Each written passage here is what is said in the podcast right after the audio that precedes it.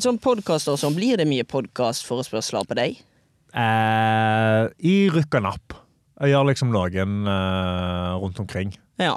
Ja, men det er ikke sånn Altså, jeg gjør jo så utrolig mye allerede eh, sånn podmessig på NRK at jeg er da med på sånn litt radiosendinger rundt omkring. Og For hva annet gjør du enn på en måte P3 Morgen, da? Du, ja, nei, vi har liksom en Noe attåt. Det er liksom en podkast som spiller rett etter P3 Morgen. den har jeg hørt sånn Ja. tidvis på, vært Ja. innom den. Som er bare Ja, det er jo, det er jo bare tømming av hodet.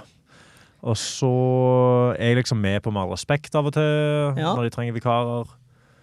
Og så er det sånn Jeg blir liksom Ja, vært med på Kave Rashidi sin podkast var jeg med på. Den legepodden på podden. Else sin var du med på en tur der. Else sin var med på, det er sant. Så det blir jo lite grann. Det blir litt, men jeg glemmer det. Jeg glemmer hvilke jeg har vært med på. Men har du noen sånn terskel? Nå, nå er jo du med her, jeg vet, jeg vet ikke hvordan, eh, hvordan du fant ut at dette var godkjent for deg å være med på, men har du en sånn terskel på hva du sier ja til og ikke?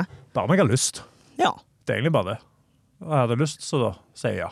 det er det enkelt, Det er ja. egentlig, det er egentlig så enkelt som det. Om jeg har lyst, og om jeg har tid, da. Det Ja. er jo den største tiden, er vel. Generelt sett så har jeg lyst. For at dere har gjort dette en liten stund, så syns jeg det er utrolig. Altså, den verste jobben er jo å, å booke folk. Det er jo helt eh, Dere har jo noen gjester av og til, dere. Eller kanskje ikke så mye? Ja, gjester eh, hver sending generelt sett. Ja. Eh, altså 80 av sendingene, da, så har vi en gjest. Men da, vi har jo en egen gjestebooker. Dere har det, Så ja. vi står for, bare for å være sånn Jeg er interessert i å snakke med denne personen, eller et eller annet sånt, og så tar noen andre den ballen. Å, fy faen, Så så da slipper. Det er så digg. Fy faen, det er så luksus. Altså, Shouts out til gjestebookere, altså. For jeg gjør jo det meste her sjøl, og det er jo klart at eh, det, det, er jo, det er jo litt av det er jo tung tid, hvis det spesielt det å få ja fra, for eksempel. Hvis jeg vet en person jeg har veldig lyst til å få inn her, da, så er jo ikke det alltid at det er ja på første Nei, forsøk. Det er det ikke. Ja, men Da er det jo bare denne masa. Ja, og det blir Og det er vet du. Jeg blir denne maseren. Ja. Så er spørsmålet hvor mange, sånne, hvor mange purremeldinger er det innafor å sende til folk? Jeg tror purregrensa, sånn generelt sett for min del i hvert fall, er rundt to. Ja. To purringer etter hovedforespørselen, og da er, sånn, da er ballen i din bane. Ja. Nå har jeg minnet deg på dette to ganger til, liksom. Da, da legger jeg det dødt. Men hvis jeg ikke får på måte svar på purring nummer to, er det da er det dødt da? Og hvis du ikke får svar på andre, ja, da tenker jeg at da lar du han bare ligge. Da, da, tenker, da er det liksom Da er det ekstra bonus om du får svar til slutt. Ja. Men jeg føler, i hvert fall for min del Jeg er ikke plagd av om jeg blir purra på, liksom. Nei. Det er jo bare sånn man, man legger ting sånn Å, fader, jeg må svare på den tingen. Og så legger man det vekk litt, og så tralter man rundt i sin eget verden, og så får du den meldingen sånn Hei, du, har du et svar på dette? Så sånn Å ja, faen, jeg skulle svare på det. Og så Så normalt sett så ser jeg ikke på det som liksom dårlig stemning. Interessant det der, for det er vanskelig for den som sitter på andre siden og prater. Syns denne personen at det er irriterende, eller er det på en måte Du, det var en påminnelse den trengte jeg. Ja. Men det, ja, jeg vet da faen, det, det, det er ikke så tungt. Jeg, får noe, jeg har nå det, ja, det er bra. Og jeg er begynner, ja. begynner, begynner alltid med det Ja, du skulle si noe, jeg avbrøt deg nå. Har du Nei, noe? nei, det, det er jo bare å sende meldinger, liksom. Altså, de fleste ser jo ikke på det som irriterende.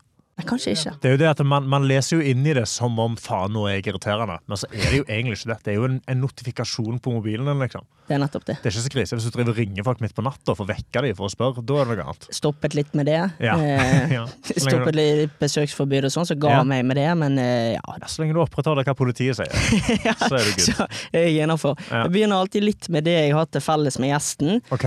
Første her er jo at begge har søkt jobb i P3. Du jobber der, jeg jobber der ikke. Eh, Ja. Vi kan gjerne gå litt Hvilken videre stilling på eh, den. Nei, ja, la oss gå videre der. Hva, hva søkte du på der? Jeg har vel søkt ett uh, sommervikariat på et tidspunkt. Det var nå greit nok. Ikke med videre der. Og så søkte jeg å, jeg lurer på om det var et årsvikariat. jeg. Ja. Da var jeg på runde to. ja. Og ja, ikke videre derfra. Hvorfor, hvorfor vet jeg ikke. Men da har du jo vært innom eh, to ganger, da. ja, det Du kan er, du du si. er jo nesten der, liksom. Men Ja. det, det virker jo Det er jo ganske fint uh, rundt omkring her. Det veldig ok, dette her, ja. Så du, du lever ganske godt uh, på ikke P3. Det er jo ikke lønn i dette her, vet du. Dette er jo et direkte direkte Ja. tapsprosjekt. Sant. Men det, altså av og til så taper man litt, men man, vinningen går i spinningen. Det er det han gjør. det Sånn. Men jeg jobber i NRK, da, som vi har til felles. Jeg jobber i Sporten, du Ja. jobber da i P3. Korrekt. Nummer tre her som jeg har lyst til å spørre om, er jo hva som er på en måte jeg, Vi, har, vi soser jo litt rundt i gangene oppe på Marienlyst der. Hva er på en måte favorittplassen din? Favorittrommet oppe på Marienlyst? Eh, favorittrommet på Marienlyst er definitivt rekvisitten. Ja. Rekvisitten og gå rundt der, altså der har du bare alt som NRK noen gang har lagra. Du kan tralte rundt, du kan leie hva fader du vil. Så lenge du bare sier du, jeg tar denne tingen, Ja. den er til P3 i morgen. Og så er de sånn OK, da snakkes vi senere. Fantastisk plass. Det er så mye kult. Glemmer litt arbeidsdagen der hvis du plutselig havner inn der og du begynner å leke deg litt. Og kanskje, ja, kanskje filme litt og leke noen karakterer. Da Ja, går ja. tiden. Og Uendelig mange hyller og lekevåpen. Ja, ja. Og, altså, det er så gøy. Det er en så rå plass. Helt fantastisk. Og de er kule, de som jobber der, fordi de, altså, de bare chiller. De sitter der, de drikker kaffe, de snakker med hverandre, og så er det sånn Ja, du skal ha den? OK, good. Snakkes. Men er du på god fot med de som jobber der? For jeg har levert litt ting av og til litt for seint, og da kommer de med Da, da får jeg en liten sånn, hva heter det, ikke spanskrør, men jeg får en liten en. For du får en pik i trynet, rett og slett. Ja, bare ikke med et rør. Symbolsk en, kanskje. Ja. Nei, eh, rekvisitten har jeg alltid hatt ganske god stemning, egentlig. Men jeg, jeg tror det er fordi det er ikke normalt sett De så ikke på min skyld at ting ikke ble levert. Og så tror jeg vi leide ting som folk ikke trengte. Ja. At da de er sånn Å ja, dere hadde den tingen, ja. OK, ja vel. Sexleken her, den trenger vi ikke før Vi neste uke, så trenger det ikke går, fire dildoer, på en måte. det, det går helt fint. Men kostymen kunne Der, du, der må du være på godsida. Hva er vel kanskje kostymen jeg mener? Det blir jo litt rekvisitter. Ja, hvis du leverer klær for seint, da blir det dårlig stemning. De, dårlig, de tar dårlig jobben utrolig seriøst. Men de er jeg på godfot med. Der, der er jeg en av de få, faktisk. Og det jeg ikke lyst til å jinke, men jeg kan gå, jeg er jinxa. Jeg kan gå ned der, og så bare får jeg lov til å gå inn og lete sjøl. Gjør du det? Ja, ja, og da må du normalt sett ha følge, altså. Det skal du egentlig ha, ja. Ja, ja, ja men det er altså god, det er nydelige folk. For jeg gjør av og til det sjøl, men da blir jeg som ofte stoppet i døren. Ja. Med mindre de ser meg, da, hvis jeg ikke bare sniker Ja, meg rett inn. sniker deg gjennom, tar på deg kostyme. Ho, ho. Går ut som Batman. Ja. Siste her er jo at begge har fedre som løper. ja. Ja. Hvordan, eh, hvordan fant du ut av at min far løper? Nei, jeg gjør jo eh, noenlunde research. Jeg hører jo litt podkaster her og der. Da. Jeg vet jo du trener som en eh, Ja, jeg vet ikke hvem du eh, Hvilke demoner du skal tilfredsstille akkurat nå. Mange demoner som må døyves, i hvert fall. Men du trener jo som eh, hakka møkk for tiden. Jeg vet ikke om det er for å imponere din far, eller hva som er grunnen. Jeg. Han følger ikke med på Instagram, så han, eh, han, er, veldig, han er generelt sett ganske lite imponert type. Og Det er sikkert derfor jeg jakter på det. Men eh, han blir ikke så imponert Jeg, jeg tror han hadde vært imponert om jeg fullførte mastergrad og jobbet som ingeniør. Så liksom alt annet utenom det, så er han bare sånn Ja, ja, han gjør greia si, for han må få lov til det. Men uh, min far uh, han har alltid løpt i alle år, men jeg slo han i to halvmaraton. Du har slått han i to halvmaraton? Slo han i de, to halvmaratonene jeg løpte, de løpte han samtidig som meg, og de slo jeg han på begge gangene. Ja. Så etter det så slutta jeg. Og så slo han tida mi, men det tenker jeg det, det teller ikke. Nei, fordi han har ikke sprunget mot meg. Så jeg, jeg ser på meg selv som regjerende halvmaratonmester i familien. Men du og løping, da. Hva er, hva er greien der? Jeg må jo få lov å si det at eh, som jeg ser på deg, Karsten Nå eh, har vi jo Gaute-show og forskjellig, så jeg la jeg tillater meg å, å se litt på deg og analysere. Du, er jo en, du er jo en svær mann. Ja, Det å løpe for deg med dine knær og sånn, det, det høres jo ikke ut som eh, det er det lureste. Nei, det er absolutt ikke det. det er. Og det er ikke et lurt valg å melde meg på et ultramaraton. Skal du løpe ultra? Jeg skal bringe ultramaraton i mai, 50 km. Eh, så det er det jeg driver og trener til. Jeg, jeg løper sånn rett og slett fordi Jeg tror dette har jeg tenkt lenge på, men det er av grunnen at jeg har lyst til å liksom motbevise 17 år gammel Karsten som ikke kunne det. Okay. Så det er en sånn Hvorfor Hva var du mye får- tyngre når du var 17? Jeg var utrolig tung. Jeg veide 140 før. Oh, ja, okay, ok, Nå veier jeg 102. Uh, men på min tyngste var jeg 140, på min tynneste var jeg 88 da, uh, etter det, når jeg slanka meg i to år. Da er i hvert fall i shape, og du har jo et steg her. Og jeg, for min del så er det det med løping er at det, det, det, det er ingen treningsform som gir mer fri i hodet enn akkurat løping. Det er det. Og jeg liker egentlig jeg liker det å traske. Eh, I det siste, siden jeg springer så lenge, så kan jeg ikke ha sånn intens musikk. Så jeg hører på countrymusikk. På country. Jeg hører på country, jeg hører på god gammeldags country. Er det ikke gammeldags country? Nyere country. Morgan Wallen? Uh, nei, jeg hører på uh, litt på Oliver Anthony for tida. Jeg syns han, er- han er kul. Og så er det da Det går mye i Sturgill Simpson. Uh, veldig glad i Travis uh, Childers. Eller Childers. Ja. Jeg tar jo ikke alle referansene. Jeg må bare Nei, beklage deg. det Jeg er ikke så inne i Wisconsin, så det høres ut som du er. rå country, da. Jeg har en teori på hvorfor country har blitt så utrolig bra Okay. eh, de siste årene. Og det er fordi middelklassen i USA, i hvert fall Mellom-Amerika, det, det er så mye smerte der nå. Så mye dritt og pilleavhengighet og økonomisk usikkerhet. Jeg holder på. Og alt det altså Mye smerte skaper god kunst, og der er det mye smerte, så da får du mye god countrykunst. Da var det det musikkanmelder Karsten Ja. Blomvik her på plass i Jeg er her, og jeg bare legger fram teoriene, og det er sånn det er. Nei, men så jeg, jeg løper så lenge rett og slett bare for å motbevise den, den tidligere meg, og så er det digg å løpe og bare tenke, og så òg når du kommer på denne smertepunktet, hvor det bare er et helvete nå å springe videre, og så pushe seg gjennom det, det gir meg mestringsfølelse, altså. Det er deilig. Og når du på en måte har, du har slitt, du har slitt lenge, du har løpt en stund, og så merker du at faen, nå var det plutselig litt, litt Ja. energi her igjen. Det det. Den det går i sånne bølger. Ja, ja. Det, altså, og den verste delen av en løpetur er jo de første ti minuttene, uansett. Dørterskel, Karsten. Ja. Ja, Første ti minuttene, fy faen, de er helt jævlige, og så går det normalt sett ganske greit. Prater så det bare synger av gårde her. Vi jeg blir jo litt nysgjerrig, du som jobber i P3 og med radio, når du kommer her og allerede har sittet der og holdt på i to-tre timer. Ja. Blir du ikke tom? Jo. Er du Eh, tom her du sitter nå? Nei, For det vil jeg jeg ikke si at du er. Nei, jeg er ikke tom nå, fordi nå snakker vi med en ny person med gode spørsmål og god jobb, Ja, og da går det fint. da går det fint. Men det er jo en sånn Det er jo en jobb hvor det er mye jabbing. Ja. Eh, Så, og jeg er ikke av natur en utrolig jabbete person. Jeg liker egentlig å sitte i mine egne tanker, og jeg er veldig glad i å lytte på folk. Så jeg, Ja. jeg hører veldig mye, eh, men jeg kanskje ikke deltar eh, like mye når jeg er av jobb. Fordi da vil jeg bare åh, nå kan jeg bare høre på folk snakke, og det er hyggelig å få litt andre perspektiver inn i livet. Absolutt. Så, men der er, der er, det, er, det går helt fint i jobben min å bare si eh, at i dag skal ikke jeg være med på noe attåt, fordi jeg, er, jeg har null å bidra med her. Og da er det sånn, ja, gå og chill du. Men når du kommer hjem, da, er du på en måte ferdig med sosial stimuli når du kommer hjem for dagen? Da, jeg skal ikke være med venner, jeg skal eh, sitte helt i ro, eh, slukke lysene, ja, ganske- teipe vinduene. Jeg er ganske introvert av natur, så jeg får veldig mye sosial eh, samvær gjennom jobben. Det gjør jeg. Men jeg, jeg prøver å være god på å liksom, planlegge litt vennedates og sånn eh, til tider. Men jeg har jo en kjæreste som kommer hjem, og så vil jeg henge med hun. Så det er jo en sånn eh, Det sosiale får jeg ofte i helgene sånn utenom jobb. Ja. Eh, oftest. Da er, liksom, da er jeg ute og gjør standup og får henge med komikervenner. Eller. Og så får jeg òg mye sosialt gjennom trening.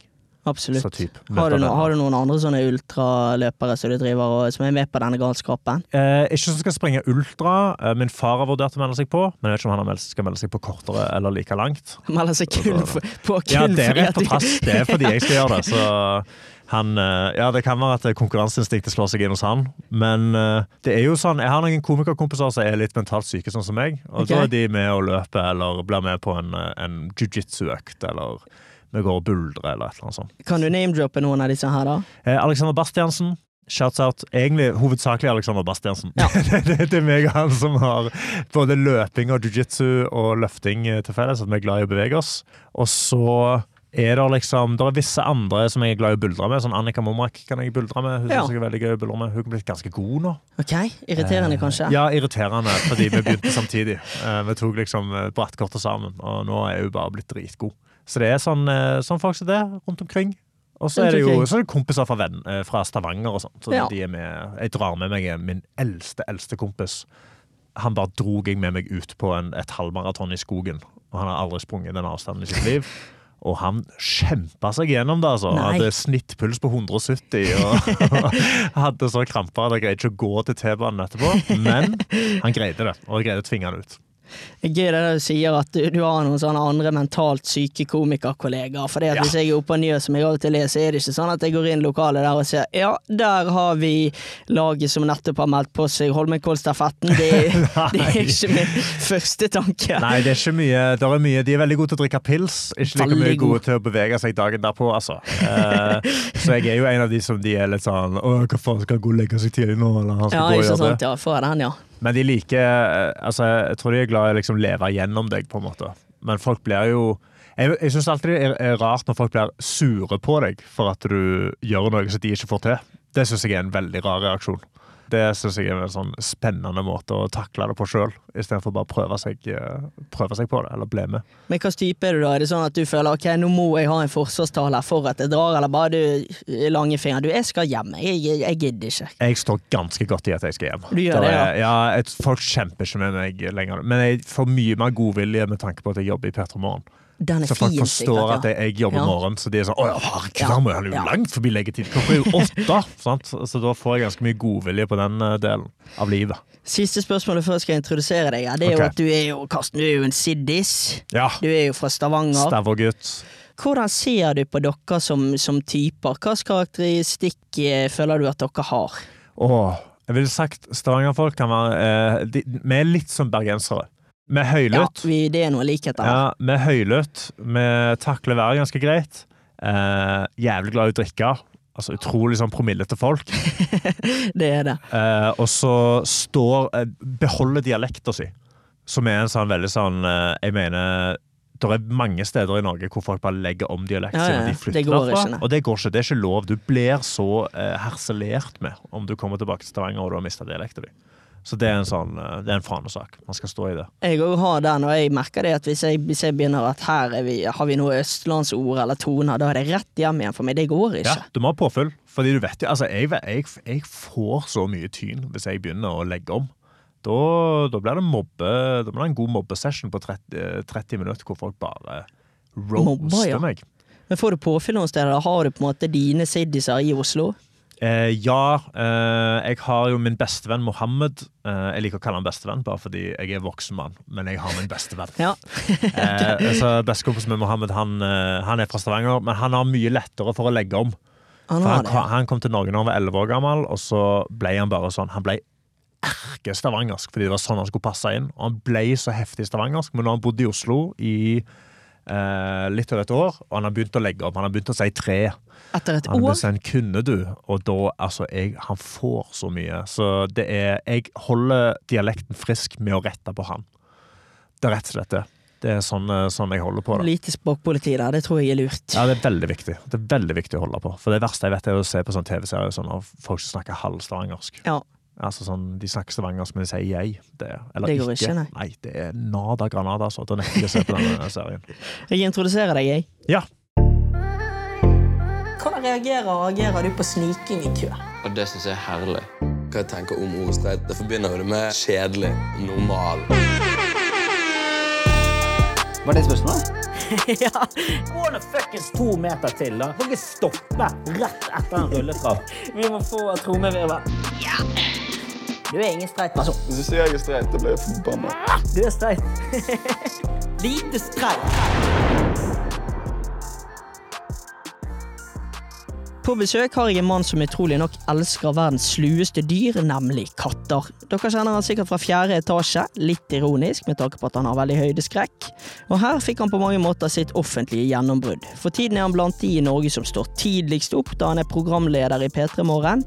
I tillegg er han å se på mye forskjellige standup-scener rundt om i landet. Til og med har han testet humoren sin på engelsk forskjellige plasser i Europa. Før han ble en humorist har han gjort mye forskjellig. Han har jobbet som dørvakt, han er utdannet dataingeniør, for så vidt spent på hva hans far, som også er utdannet dataingeniør, syntes om at han har valgt å følge humordrømmen. Og så er jeg spent på å finne ut hvordan han plutselig var å se på TV her og der. Blommeren, Karsten Blomkvist. Kasso, Karsten ikke Petra. Mm. Karsten kastrert, eller bare Karsten Faen, nå har jeg rotet her. Jeg tullet jo med at det var Karsten Blomkvist. Ja, det Ja. var det. Ja, det er riktig, det. ja, jeg ble kalt Blomkvist. Eller bare Karsten Blomvik. Gildt å ha deg her. Gildt å være her. Uh, for en introduksjon. Ja, har du gjort research, altså? Jeg skjønner jo hvorfor folk eh, av og til blander dette etternavnet ditt og går for Blomkvist. For nå, Ja. nå stumlet jo jeg på den her, for det er jo Blomvik, ikke Blomkvist. Ja, det er Blomvik, ja. ja, ja. Altså, jeg var med på uh, Ja, altså, jeg var nylig med på Alle mot alle, og da hadde de ikke skrevet navnet mitt feil på, Nei. på, på, på, eh, på, på krittavla. Og jeg sa jeg heter Karsten, ikke Karstein.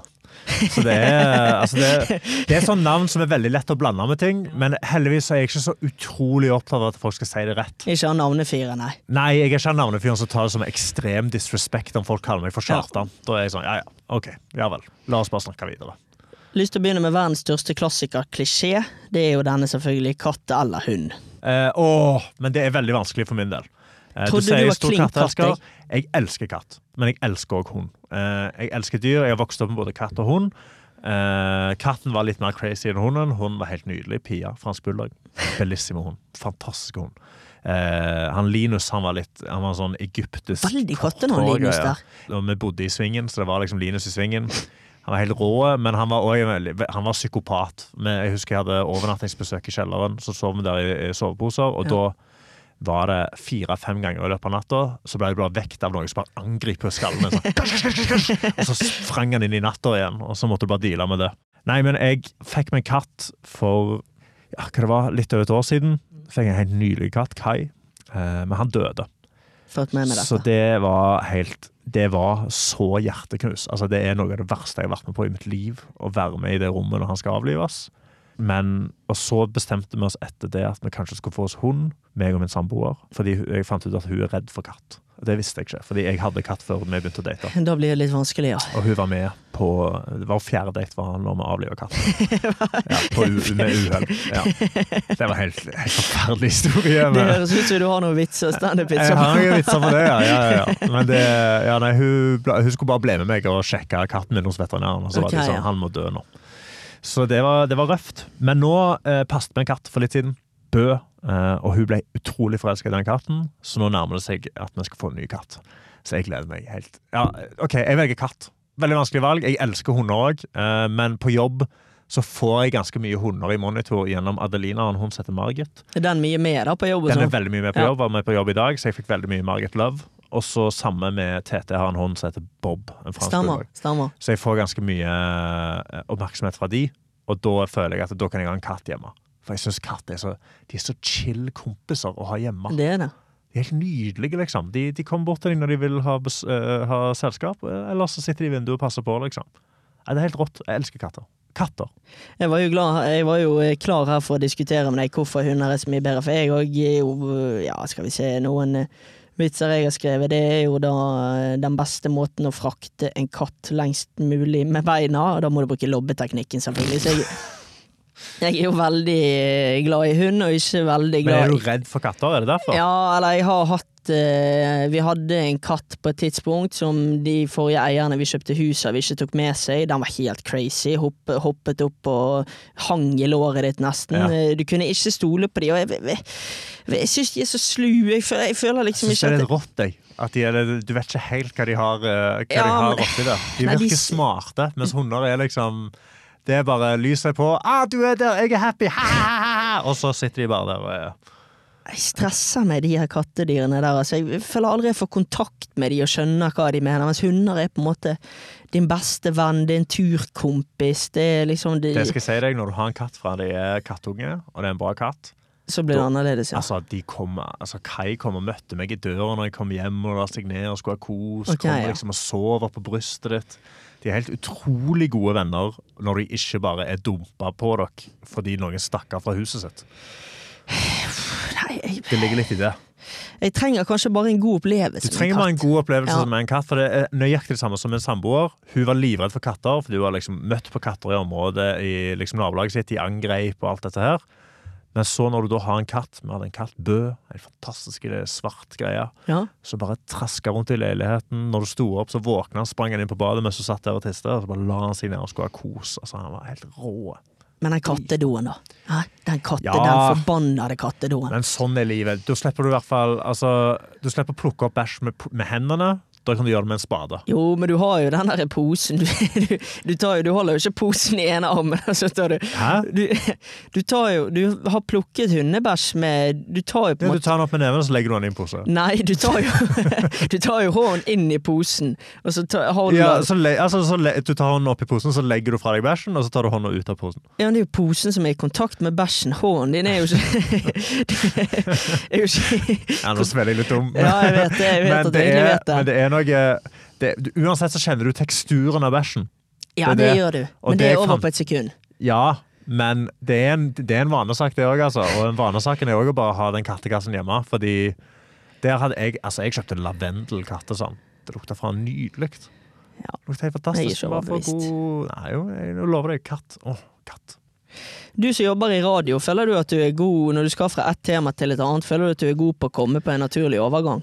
Nei, på ingen måte. Det, det, bare, det skjer av og til. Hvis ikke, så går vi bare videre. Men hvis du i nå da skal over på å prate om at uh, du plutselig var en fyr og ser på skjerm, hvordan da ville du gått fra katt til det? Ok.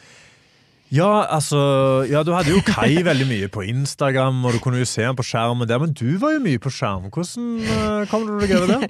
Ja, det var veldig stil. Litt sånn eh, Lindmo over Ja, men der, der er det på en måte der, der tillater folk det at det blir på en måte Man skjønner at de skal videre, men Ja. det er jo ok. For vi skal jo da, Karsten Vi skal jo da over til å prate om at du, for meg da, i hvert fall var en fyr som plutselig var å se på skjerm. Ja. Men jeg hadde ikke noe sånn forhold til deg før det, så du, du var på en måte plutselig der. Ja, jeg var ikke noe Ja, jeg var ikke noe til stede i folk sin eh, eh, Altså i folk sitt hode før det. Eh, hvis ikke du var fra Stavanger og hadde sett meg på standup-scenen der, liksom. Eller sånn utrolig god til å se standup i Oslo av og til, Ja. på en måte. Eh, nei, jeg fikk jobb i fjerde etasje ganske sånn out of the blue. Jeg hadde jo Ja, hva er det altså 300 følgere på Instagram. Det var ikke noe, jeg bare gjorde standup rundt omkring. Jeg var bare litt sånn skjemt innad i miljøet for å være en person som reiste mye og gjorde standup. Uh, og så Sånn jeg fikk jobb i fjerde etasje, var rett og slett bare at jeg var i Oslo og gjorde standup på Josefines. Mm. Da sto jeg på scenen sammen med Jonas, uh, som var tidligere i fjerde etasje. Da var Martha Leivestad i publikum. Jeg gjorde det veldig bra den kvelden. Hun noterte meg ned. Hun snakket ikke med meg den kvelden. eller noe sånt. Jeg visste ikke hva fjerde etasje var da. Eh, og så, når jeg da søkte etter en ny person til stilling, så nevnte hun navnet mitt, og så sa de nei, hvem er det? Og så er jeg sånn, jo, jo, men han er gøy. Og så jeg sånn, nei. Og så sa jeg bare sånn, jo, jo, men bare skriv den opp. Og så skrev de meg opp, og så sendte de meg melding på Instagram mens jeg satt i covid-lockdown Ja. i Stavanger. Så legde jeg da en søknadsvideo. Sånn en forbanna søknadsvideo. Ja. Tre minutter lang. Uff. Ja, den var eh, Den hadde jeg litt gøy med, for jeg lagde en ganske gøy sketsj med? Mohammed, min bestevenn. Uh, nei, jeg lagde en sånn uh, Jeg lagde en sketsj på at uh, jeg skulle hjelpe å integrere denne fyren Mohammed. Men han var en østlending som skulle integreres til Stavanger. Så det var det, så det var bare en sånn tåpelig sketsj på det, og så noe sånn personlig før det. Jeg hadde heldigvis, jeg kjente Maria Stavang, har kjent ganske lenge, vi begynte samtidig. Så jeg sendte hun en grovklipp, og så var det sånn Kutt dette, kutt dette, kutt dette. Å, ja. Gjør det sånn. Og så var det sånn, å ja, da fikk jeg kutta to minutter av den femminuttersvideoen. Og så ble det en grei søknadsvideo. De fikk meg videre i andre omgang. Og så, etter andre omgang, så var det noen intervjuer. Og så plutselig så ringte de meg og sa at jeg fikk jobben. Og da flytta jeg to uker etterpå til Oslo. Men For meg høres det ut som eh, Sorry for å avbryte det, men når du sier det der om at de, de ikke visste ja, hvem er han, da virker det for meg at de sitter litt med de brillene sånn og ser på Ja, på Insta, ok, der har han 3000 følgere. Det er noe. Instagram, ok, 10 000 Nei, TikTok mener jeg, 10 000 følgere. Dette kan vi jobbe med. Ja.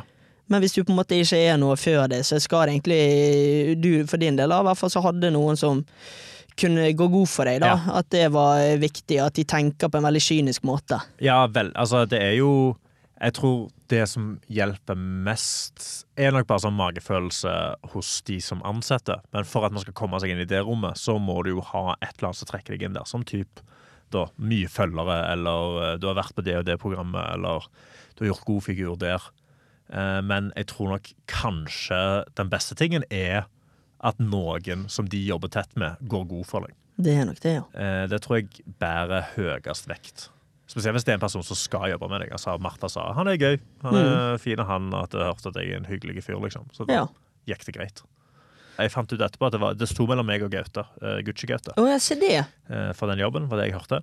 Eh, jeg fikk den jobben, og så se på hvordan det går med Gaute, nå. Ja, Så går greit med, det går ganske går greit. greit med han, Ja. med han også. Så litt tilfeldigheter, da, og plutselig er du der. Rene tilfeldigheter. Altså, det var ren tilfeldighet. Hadde ikke jeg stått på Josefines den kvelden, så hadde jeg, da hadde jeg nok nå flytta tilbake fra Nederland og bodd i Stavanger igjen.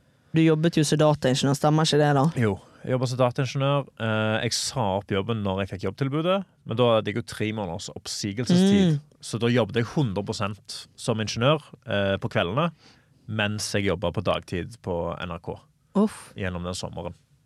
Visste ikke at de tillot det, egentlig. At det av og til kan være et problem at du ikke kan eh, på en måte sjonglere flere baller. Men det er vel kanskje litt annerledes når du er dataingeniør og du ikke Ja, er ser ikke på skjerm, eksempel Det er ikke en TV 2. konkurranse Nei. Det er ikke konkurranse at jeg sitter og trapp, eh, tra- trasker ned noe trafohus. Eh, Eh, Tra i dette bladet, for meg nå er det din Ja, nei, eh, nei, ja, realfagshjerne jeg som prater. og, ja, med, eh, det, det, Jobben min var asset management-firma. Så det å vite hva, hva ting har et strømselskap i trafohuset sitt, som er de derne husene med sånn høyspent livsfare med de der metalldørene som du kan gå inn i. Ja.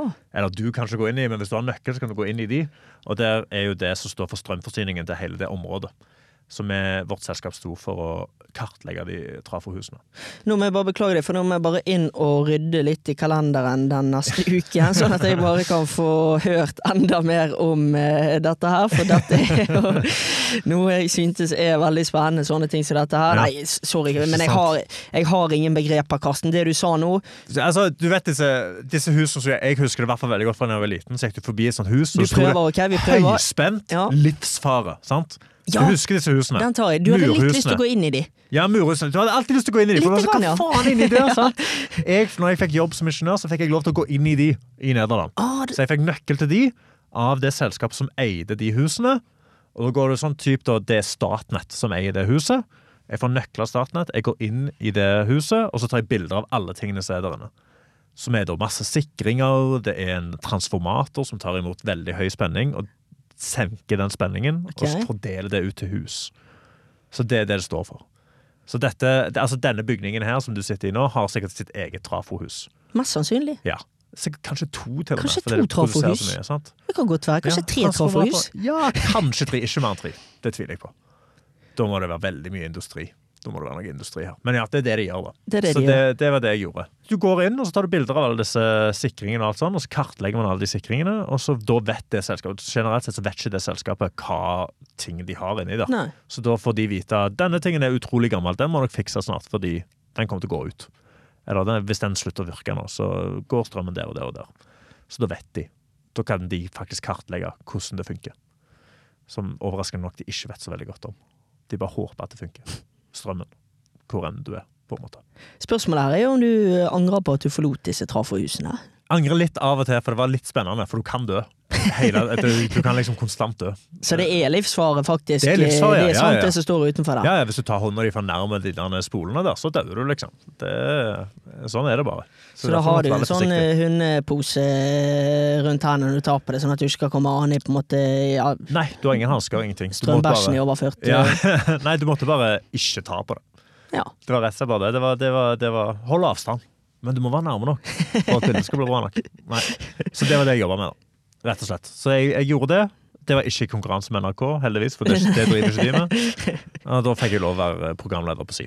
Men det, det forsto de jo fordi jeg måtte jo Jeg kunne jo ikke bare si fuck off til den jobben jeg hadde tidligere. Så NRK var chill der og sa sånn ja, ja, herregud, du skal få lov til å jobbe der samtidig. Så vær heldig med det. Du sitter jo her og lager den podkasten her. Ja, ja. Ja, sporten lar deg gjøre det. Ja, nei, jeg har ikke reg. Regel er vel at jeg ikke har lov å på en måte prate med idrettsutøvere da, akkurat nå. Nei. Så da, Ja. går det jo, da går det jo i eh, komikere, musikere, programledere og sånne ting. Jeg syns det er veldig Ja. interessant. Det, Tenk som ikke konkurrere med de. Kan liksom ikke sitte her og prate med Ja, vi skulle hatt et godt eksempel her, da. Eh, kan på en måte ikke sitte her og prate med Erling Braut Haaland hvis Nei. jeg skal skrive en, en kritisk Så ja, faen, det var den sjansen. den sjansen! Han hadde jo vært der, han, vet du. Ja, fy faen. Nei, men eh, ja, han hadde nok Ja, det skal nok litt til eh, Det skal nok mye til, men eh, ja, det er greien, da. Ja. Så, Ja, det, nei, det- så det er greit. Så får vi se hvor lenge man gjør det ene og det andre, og så får vi se om det blir idrettsutøvere her på et tidspunkt òg.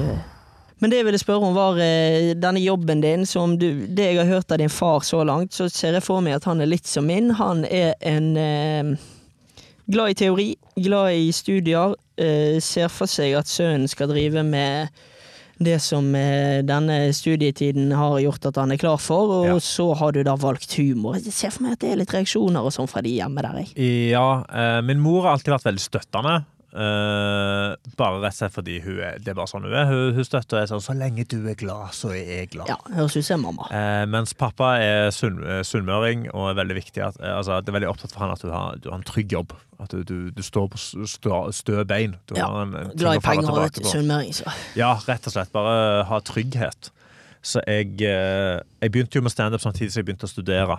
Og da prioriterte jeg veldig mye standup. Okay. Uh, rett og slett fordi hadde jeg muligheten til å reise til London og gjøre standup, så droppa jeg den uh, webprogrammeringsforelesningen, Ja. liksom. Det gadd jeg ikke.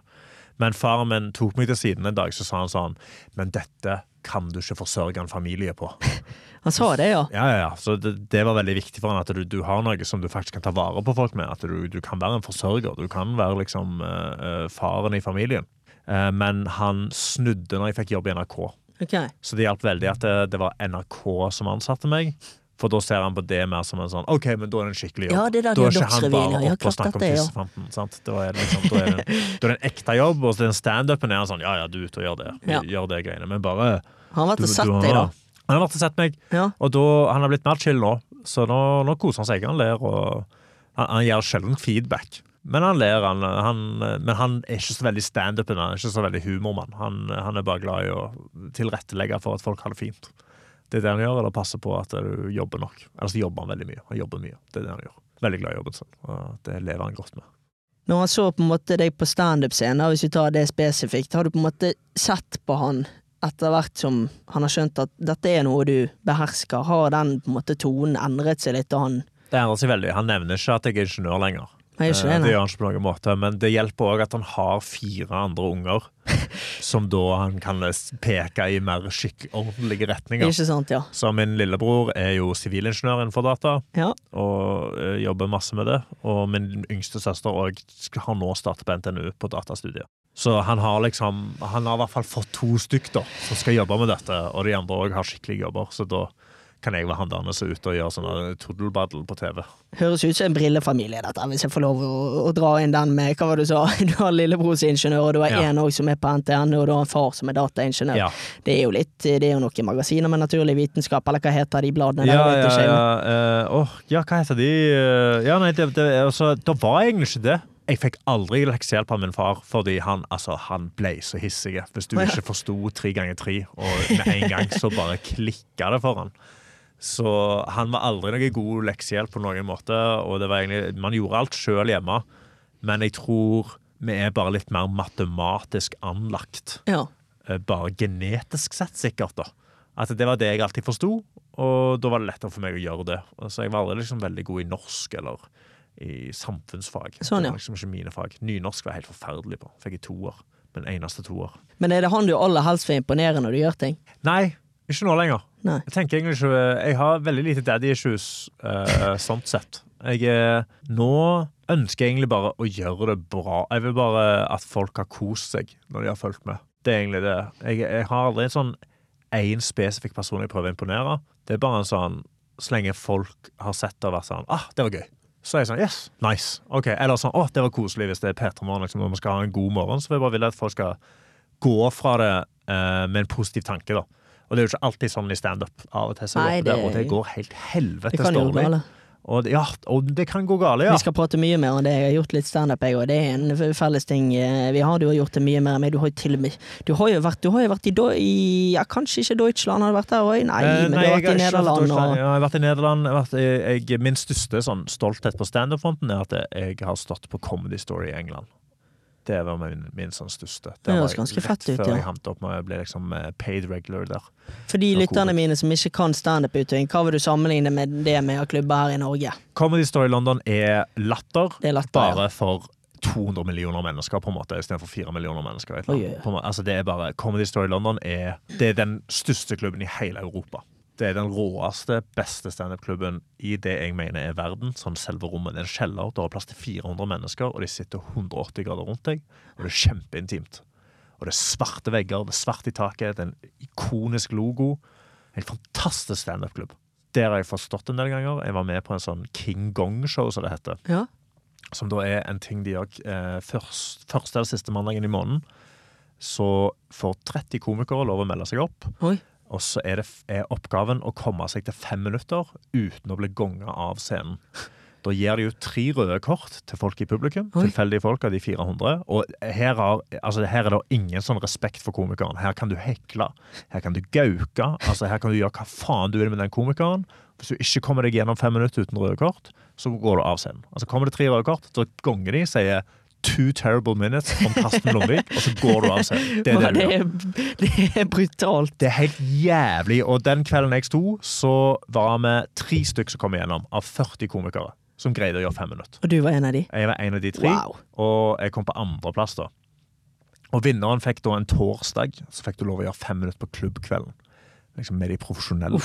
Eh, så jeg fikk ikke torsdag, men jeg fikk en fredag. Fem minutter. Eh, og så etter det så fikk jeg lov å gjøre ti, og så gjør jeg ti en gang til, og ti en gang til. Og så skulle jeg gjøre med siste tier før jeg skulle få 20. Altså paid regular, liksom. Sånn, en profesjonell komiker på The Comedy Store. Wow. Og så kom covid. Så kom covid. Og så har jeg ikke vært i London siden. Men denne standup-drømmen din eh, i utlandet, da, det, det er noe du har lagt fra deg? Jeg gjorde veldig mye standup underreise fordi jeg hadde muligheten til å gjøre det, og jeg syntes det var gøy å gjøre det på engelsk. Og så ble det en sånn Jeg hadde aldri sånne ambisjoner om at jeg skulle bli profesjonell komiker og leve av det i England. Jeg har ikke Nei. lyst til å bo i England. Jeg synes det er litt sånn Hvorfor ikke London. Jeg er ikke så glad i London. Hvorfor jeg kunne elsket å bo i London? Det er for mye folk. For liksom forurensa Jo, luft. men når det er så mye folk, er det da så mye folk? Ja, det er det. Er det? Ja, Har du sett Har du vært på T-banen der? Det er et Ja, jeg har vært masse i London, men jeg Gå føler når du gatene, det er et helvete. Du blokker deg ut, på en måte. Det blir på en måte bare eh, streker i eh, Altså, store verdensbildet. òg, og det er så dyrt. Ja, steindyrt er det jo. Nei, så eh, det hadde jo vært kult. Jeg, jeg syns det var sykt gøy å kunne være liksom en klubbkomiker i Norge som får lov å reise rundt og gjøre det, men samtidig òg gjøre det samme i utlandet. At jeg har et navn i Nederland, og jeg kunne liksom booka meg opp og fikk lov å stå på kule klubber. Mm. Eller gjøre det rundt omkring i London, eller dra på festival i Leicester og gjøre standup. Det var liksom utrolig stas. Jeg bare elsker standup. Jeg syns det er utrolig gøy å gjøre Ja, jeg skjønte at du er veldig glad i det. Det gir meg liksom Det gir meg mye når det går bra, og så river det meg ned i kjelleren når det går dårlig. Men det er sånn det får være. De to neste årene, da, så du får deg å reise og gjøre det mer i utlandet? Ja, jeg har vært nede til Nederland igjen på, på, på tur og bare gjort standup og kost meg. Mm. Det har vært veldig hyggelig. Jeg har lyst Jeg har, jeg har mailen klar, Du har mail så jeg har lyst til å sende til Utkastet Comedy ligger Store. Ja, ja, så jeg har lyst til å sende til dem og få med den neste timinutteren. Men da må jeg dra ned til Nederland eller et annet sted og få pugga det engelske settet mitt. ja. Fordi det var det jeg gjorde rett opp til covid. Jeg hadde altså, fy fader, det banka ned et sånn perfekt ti minutter sett i standup, og så kom covid, og så ble jeg fucked. Denne er ja. At da hadde jeg blitt profesjonell komiker på Comedy Store. Det hadde du, Det hadde vært paid regular. Det hadde vært så rått. Fy fader, det hadde vært kult. Ja, det hadde vært så det har, jeg, fett, det har jeg lyst til å få til. Det hadde vært veldig gøy å gjøre. Jeg tror sikkert den eneste andre norske som er det, er sikkert Daniel Simonsen. Mm. Han er jo enorm. Så det var stas å, å være i en eller annen del av samme klubb som den utrolig rå komikeren der. Men det fins jo noen klubber her som gjør litt eh, engelsk standup eh, noen kvelder i uken. Ja. Har du gjort noe engelsk standup her, da? Ja, eh, gjort litt. eh, med varierende suksess. Rett og slett fordi Eller den ene gangen gikk det veldig dårlig fordi jeg varma ikke opp engelsken min på noen måte. Ah, det kan jeg se for meg, ja. Ja, det var helt forferdelig. Det var alt, alt var off. Plutselig skal betale for maten der og ta regningen på engelsk. Oh, da, da kommer det som et sjokk. Yes. Ja, nei, det var, ja, det var vondt. Det husker jeg godt, at det var vondt. Eh, Så rettet jeg opp til det til neste gang jeg skulle gjøre engelsk, og da gikk det fint. Ja. Men eh, jeg har ikke gjort så mye engelsk her i Oslo. Det har jeg ikke. Jeg ble litt mer vant til å gjøre det på norsk igjen. Fint norsk òg. Det er fint med norsk. Og dialekt på eh, standup, i hvert fall sånn eh, du som er fra Stavanger, så funker det. Det er en veldig fin dialekt til standup. Ja, takk. Kanskje den er det den Ja, hva er den beste dialekten å gjøre standup på? Bergenserdialekten òg er Ja, veldig bra standup-dialekt. Altså. Det, er, det er mye Og nordlending. Nordlending òg funker mener, veldig bra. Ja. altså, min favorittkomiker i verden er Kevin Kildahl. Er det de, ja? Ja, han, min, han får meg til å le hardest av alle. Ja, Og det han, er nok eh, ikke det for meg, altså. Meløy-dialekta der, den treffer meg rett i hjertet. Ja. Altså. Det er noe rått med nordlending. Jeg tror nordlending er beste standup-dialekt. Ja, det er kanskje det. Humordialekt, liksom. For det er bare Det er noe med at de er så treige, men samtidig raske. Ja, og så kan de bli så veldig forbanna og si så mye stygge ting Ja. uten at uh, det gjør noe. For det er helt gøy. Det er lov, det. Det er det. De kan si så mye stygt de bare Ja. vil, de nordlendinger. Ja, og Stavanger-folk, vi, vi kan i hvert fall sånn, I Stavanger så sier du jo fitta hele tida. Det er et helt normalt ord å si. Ja, den Men i Oslo litt for så, meg. så lugger de litt eh, på det. Men jeg syns liksom Det er et bra ord. Det har god trøkk i seg. Så når det liksom treffer på scenen, så sier jeg fuck yes, i dag er det en sånn god fittedag. Og det er bra. Uff, ja, jeg klarer ikke å stå helt i den. Den, jeg, den, den Nei, men det er noe annet på bergenserdialekten. Faen, syns jeg eh, Faen, den syns jeg er den, Ja. den liker jeg, Ja, da. faen er bra. Ja, den er, den er er fin, men bra, den, ja. den er ikke den er ikke liksom Den har ikke like god sånn trøkk Ja, som, eh, som kanskje fitta. ikke det, da. Det er vel kanskje Ja, ok, du skal få lov Nei, jeg klarer ikke å si det. Jeg skal skulle gjenta hva du sier. Ja, og kan hvordan... jeg kan ikke høre det på bergensdialekt. Nei, jeg klarer ikke Nei, jeg får ikke Jeg får ikke Men det jeg får til, det er å fortelle deg det andre vi skal gå gjennom her i dag. Oi, se der for Ja. en overgang! Hei, hei! Ja vel. Vi skal gjennom Er vi på rød eller grønn bølge. Basically prater vi om hvordan du har det. Ja, Jeg har skrevet, Karsten, en del sånn fordommer om hvordan jeg ser for meg at du er som type. OK. De skal vi gå igjennom. Ja. Se om de treffer. Og skal jeg gjøre rødt eller grønt lys på de? Nettopp. Ja, okay. Så har jo jeg sagt til deg at eh, du skal få fritt spillerom i gjestens forberedte. Jeg vet ikke om du har fått tid til å forberede noe. Jeg kom vel to timer før vi skulle spille inn med denne, den, med denne spalten Ja. til deg, så vi får nå se. Jeg har skrevet ned noe bitte litt. Du har skrevet ned noe bitte litt. Så skal vi ringe CP, min far, og okay. høre hva han syntes om deg. Oi! Og ja, Hører han på live? Eh, Nei, vi ringer jo han her, da, og så Ja. prater du vi Og så med han. prater jeg med den far? Ja, så okay. får du, får du Ja, jeg, veldig, jeg tviler veldig på at han vet hvem du er. Ja, det tviler jeg òg utrolig sterkt på. Han ja. har eh, jeg blitt grovt overraska om han var fjerde tasjefem Jeg vet jo ikke om han, han har hatt YouTube? YouTube-premium og sitter Ja. innpå der. Nei, det tviler jeg veldig på.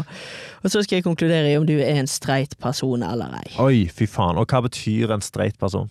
Nei, hvis du er streit, så er du gjerne en litt sånn A4-type som okay. eh, følger strømmen. Du gjør Ja. det som er forventet av deg. Veldig Ola Nordmann. OK. Og eh, du kommer aldri med noen sånne overraskelser av ting du gjør og ting du sier. Og Nei. eh, ja, Ok, Så du holder, deg, du holder deg godt i normen. holder deg veldig på normen. All right, så det er streit. Ok. Lite streit. Ja, ok. Spennende. Hiver løs på første, vi. Ja. Hvordan går det med den? La meg si det slik. Rakk ølsalget med ti sekunder i sted. Ja, hvordan går det nå igjen? Nei, kjørte over katten min i stedet, så Er vi på rød eller grønn? Enkelt og greit, Karsten. Har de det bra? Ja. Grønt. Grønt, ja. Ja, grønt. Jeg har det bra. Ingen utgreiing her. Jeg har det veldig fint fordi igjen, eh, nå venter jeg på Jeg skal kanskje få meg katt. Jeg gleder meg veldig mye til. Okay. Fy fader, jeg gleder meg til det. Og så har jeg en helt fantastisk samboer som jeg er utrolig forelska i. Er det ganske nytt, det, eller? Ja, vi ble sammen for litt år Altså, vi møttes for en sommer for halvannet år siden. Ok, Så ikke så nytt, da. Så ikke så nytt, men det er ennå ganske nytt for meg. Jeg syns det er helt utrolig stas. Eh, fantastisk. Rå dame. Dritbra. Eh, jeg er glad i jobben min. Jeg har å gjøre eh, Jeg er ferdig med julelatter nå, så jeg kan gjøre andre vitser. Ja, for det har du vært med på, ja. Det har jeg vært med på, og da gjør man jo det samme showet 64 ganger. Så nå har det vært utrolig digg å gjøre standup igjen og bare prøve noen andre ting.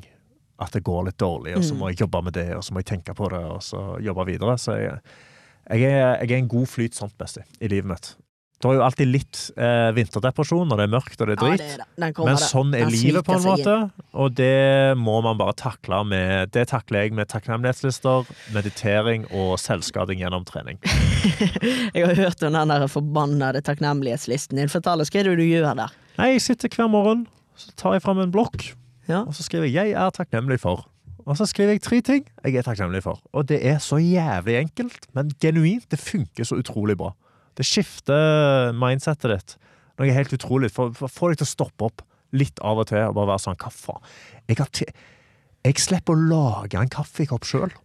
Sånn, jeg slipper å sette meg ned og finne ut av leire. Hvordan skal jeg lage det? Bare sitte og støpe det, få tak i et dreiebord. Jeg kan bare gå på Ikea og kjøpe en kaffekopp, liksom. Så har jeg den, og så kan jeg få kaffe oppi den. Som da må fraktes fra Afrika. Han må brennes. Han må grindes i en fuckings maskin jeg har på kjøkkenbenken, som jeg ikke har laget i det hele tatt. Det er liksom sånne små ting som man ikke stopper på å tenke på, og som du må bare være sånn Faen, det har jeg.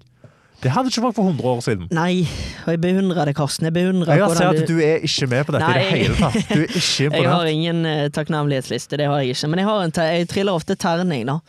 Men jeg er jo eh, Hva, jeg, du triller, altså, hva mener du med trille ja, på hvordan det føles for tiden. Og det, det lander jo som regel Jeg ligger jo og slurer mellom tre og fire på terningen, som regel. Ja, eh. men hvis du stopper opp og du bare skriver takknemlighetslistene, så lander du alltid på en firer. Ja, det er ikke sånn, jeg vet ikke hva jeg skulle en sekser. Skrevet. kunne, Nei, men, kunne, skrevet 'takknemlig for at Karsten gidder å komme her og prate'. Det Sant. kunne jeg for skrevet. Det er én. Og så skriver du nummer to. Ah, jeg er takknemlig for at jeg har, jeg har en kule Carhartt-caps som jeg liker Ja. å gå med. Sant? Den er faktisk litt glad i den capsen. Ja, Jeg- sant? Stopp opp og tenk over det. sant? Jeg er glad for at jeg har en pappa jeg kan ringe på podkasten, så han kan dømme gjestene Ja. mine. Sant? Altså, det er bare Det er sånne små ting, og så må du bare bygge det over tid. Hva skrev du i dag, da? Eh, jeg er takknemlig for at jeg skal endelig få lov til å gjøre noen sånn ekstra nye gøye vitser. som jeg koser meg med. Og får liksom sitte og skrive. Hva legger du i det? Du får, du, har, du får jo si hva du vil når du går opp på scenen. Har du Ja, nei, men jeg må, sitte, jeg må jobbe med dem. Ja da. Altså, så det er det at jeg har, jeg har noen ting som jeg jobber med i helga, eller fortalte noen vitser som Mhm. var sånn Faen, denne her Det er noe her. De ler litt, men de ler okay. ikke så mye. Du har ikke løst den? Så jeg, må, jeg har ikke løst den, nei, så jeg må strukturere den godt nok. Og det, jeg syns det er veldig gøy å finne ut av og få til. Eh, og så er jeg veldig takknemlig for det med samboer. Skriver jeg, det skriver jeg ofte. Ja. jeg, bare, jeg digger samboeren min. Hun er helt fantastisk. Og så var det eh, Jeg er takknemlig for at jeg har så gode, eh, dyktige kolleger. Ja, men den er fin. Jeg jobber i en redaksjon med utrolig dyktige folk som jeg får lære veldig mye av. Og det er jeg takknemlig for hver dag. Altså. At jeg får stoppe og være sånn Faen, her er det sykt mye kompetanse, og jeg får lov å bare sitte her og suge det inn. Sier du det til dem, da? Ja, prøv det. Sagt ifra. Prøvd å si ifra. Det har jeg. Jeg- Det er ikke sånn at jeg drar det ut av hatten med en gang. Men eh, når det passer seg, så prøver jeg å gjøre det, ja. Men jeg kan være, jeg kan være bedre, faktisk. Det skal jeg stoppe opp og faktisk bli bedre på. Å gi eh, genuine komplimenter. Men nå er du en litt sånn irriterende fin fyr, og du vet, du, du sier det at Du sitter her og sier det at vet du hva, jeg er så glad for at jeg har så flinke kolleger. Det er en fin ting å si, Ja. men samtidig så setter det deg sjøl i et fantastisk godt lys. Og det er nesten, ja, nesten Karsten han bryr seg. Karsten han, han, han, han, han tenker på Han tenker på disse små tingene. Nei, jeg beundrer deg, Karsten. Jeg vet ikke om jeg kommer til å havne dit Sier sjøl. han irritert, sint. Ja, jeg er ikke sint, med det. gidder nå ikke å sitte her og være så jævlig bra, Karsten. Men du er bra, jeg er enig. Dette er Dette kan det hende jeg tar med meg. Ja, men ta det med deg. Bare prøv, i hvert fall. prøv lista. Ja, Prøv lista. Bare prøv det. sånn Helt genuint, det er utrolig lett. Bare stjel en notatblokk et sted. Og så jeg mener, skriv det for hånd. Jeg synes det, jeg, jeg så at du skriver for hånd nå, Karsten. at det er for bra. penn og papir all the way, altså. Du kan skrive det på mobilen, men det er ikke det samme. Jeg må bare notere, for jeg skal jo konkludere selvfølgelig om du er streit Ja. eller ei. Så jeg bare konkludere ned det at uh, skriv ting for hånd. Ja. det er mye bedre. Jeg vil prate litt mer standup med deg, Karsten. For okay. jeg, du har jo gjort det masse. Jeg har gjort det fem ganger. ja. Liker det veldig godt. Har aldri egentlig bombet. De to siste gangene har det gått eh, ja, veldig bra, vil jeg påstå. Ja. Men jeg klarer ikke å bli Jeg klarer ikke å elske det, på en måte. Nei. Men jeg vet da er ikke- det jeg vet ikke hvorfor. vits. Jo, men jeg elsker det å stå på scene, Ja. og jeg elsker det at det går bra. Ja. Men sånn for eksempel etter standup og sånn, og folk Ja. spør skal vi ta, eh, skal vi ta noen flere øl, så vi sitter og koser jeg er ikke interessert, jeg er ferdig, jeg er utmattet, jeg. For det koster meg så mye før jeg står. Å ja, det er helt naturlig. Det, det er meg òg, det. Jeg òg drar ofte hjem rett etterpå. Gjør du har det, noe sånn, ja, ja. Jeg har ikke noe sånn ekstremt behov for å sitte igjen. Jeg, jeg er der fordi jeg, jeg syns det er utrolig stas å stå på en scene og få folk til å le. Det er det jeg syns er utrolig gøy Ja, her. er. Og så er det gøy å sitte med komikerne under showet og le eh, av de rare tingene som skjer. Men det kommer med tid. Det kommer med tid når du blir bedre kjent med miljøet. og du koser Jeg gjemmer meg, jeg. Ja, men det gjør jeg før jeg står på scenen, så gjemmer jeg meg. Og nå er jeg kommet på punktet Altså, i starten, første to årene, så avslutter jeg med å si eh, unnskyld for at jeg var her. Og så gikk jeg av scenen. Nei. Fordi jeg, bare, jeg var aldri fornøyd. Jeg syntes det var helt forferdelig. Jeg, jeg, bare, jeg var aldri fornøyd. Jeg så, ingen, jeg så aldri på publikum. Jeg var helt sånn i min egen verden. Ja.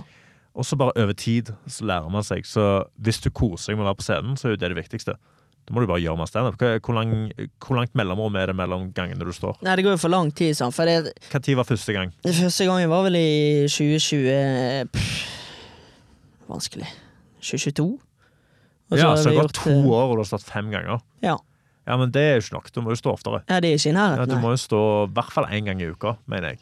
Men hvordan finner du overskudd til det? Fordi at hvis, hvis jeg vet jeg skal stå for eksempel en fredag eller torsdag, da, Ja. så bruker jeg Jeg vet ikke om det er fordi jeg har sånn respekt for standup-sjangeren. Da, at da vet jeg at da har jeg lyst til å bruke to-tre dager på å bare på å teste det for meg sjøl og bare jobbe med det før jeg gjør det. Så Ja. det går, for meg er det litt sånn tidkrevende òg. At jeg, jeg finner liksom ikke alltid tid i min kabal til å gjøre det så ofte. Nei, det handler bare om prioriteringer. Vil du gjøre standup, så må du gjøre det ofte. Du Ja. må bombe, du må, ha det, du må gjøre det dårlig. Eh, Og du må akseptere at du får ikke nok tid til å utarbeide alt, og du må bare opp på scenen. Det viktigste scenetid, liksom. Kanskje bare tillate meg å gå litt mer uforberedt opp på Ja. scenen. da. Bare gå opp, prøv. Det kommer til å gå dårlig av og til, og sånn er det bare. Eh, Og det føles helt forferdelig. For det, da, det som er greia med å bombe på eh, som standup-komiker, er at det er ikke det samme som å gjøre det dårlig som en band. For når det er dårlig som et band, så er det hele bandet som liksom er litt sånn drit. Og uansett, på slutten så klapper folk. Uansett på slutten av en sang så er folk sånn «Woo!» Og da får du litt den selvtilliten, og dere står der som ei gruppe. Står du alene, og det går dårlig, ingen klapper for deg. Ingen ler. Du står der, Nei, det er kanskje litt sånn høflighet inne i bildet, men Ja, og de liker bare ikke deg. Det er bare det at du står på scenen der, og du lever ikke bra, da liker de ikke deg. Så det er det som er vondt. Men det er òg det som gjør det utrolig gøy når det går bra.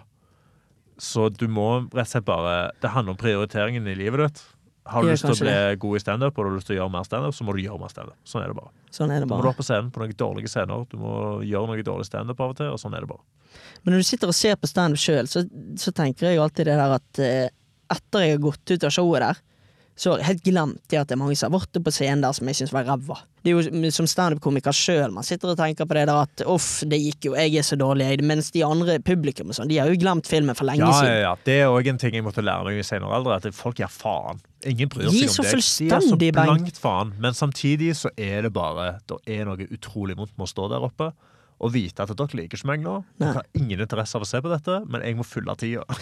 Jeg har tolv minutter igjen, og sånn blir det bare. Men det er det som gjør det gøy. Ja, det for du vet jo aldri når det kommer til å gå bra eller ikke. Hvis du hadde gått opp og du visste at hver gang så kommer det til å gå bra, da er det ikke gøy lenger.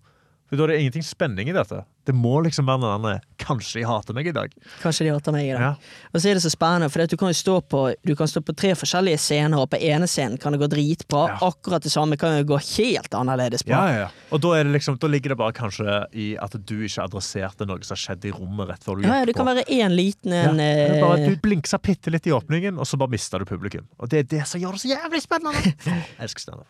Kameratgjengen min, da, det, hvis jeg får velge hva vi skal gjøre en lørdag, Ja. Så går vi først på setter oss på en pub. Så Ja. går vi og ser litt standup. Ja. Og så går vi ikke videre på de eh, nattklubbene og sånn. Nei, jeg vil, jeg vil bare sitte og prate, jeg. ja. Jeg vet ikke hvor, hvor jeg skulle med dette her, men, men ja, det, det, det, ja, det er min favoritt en lørdag.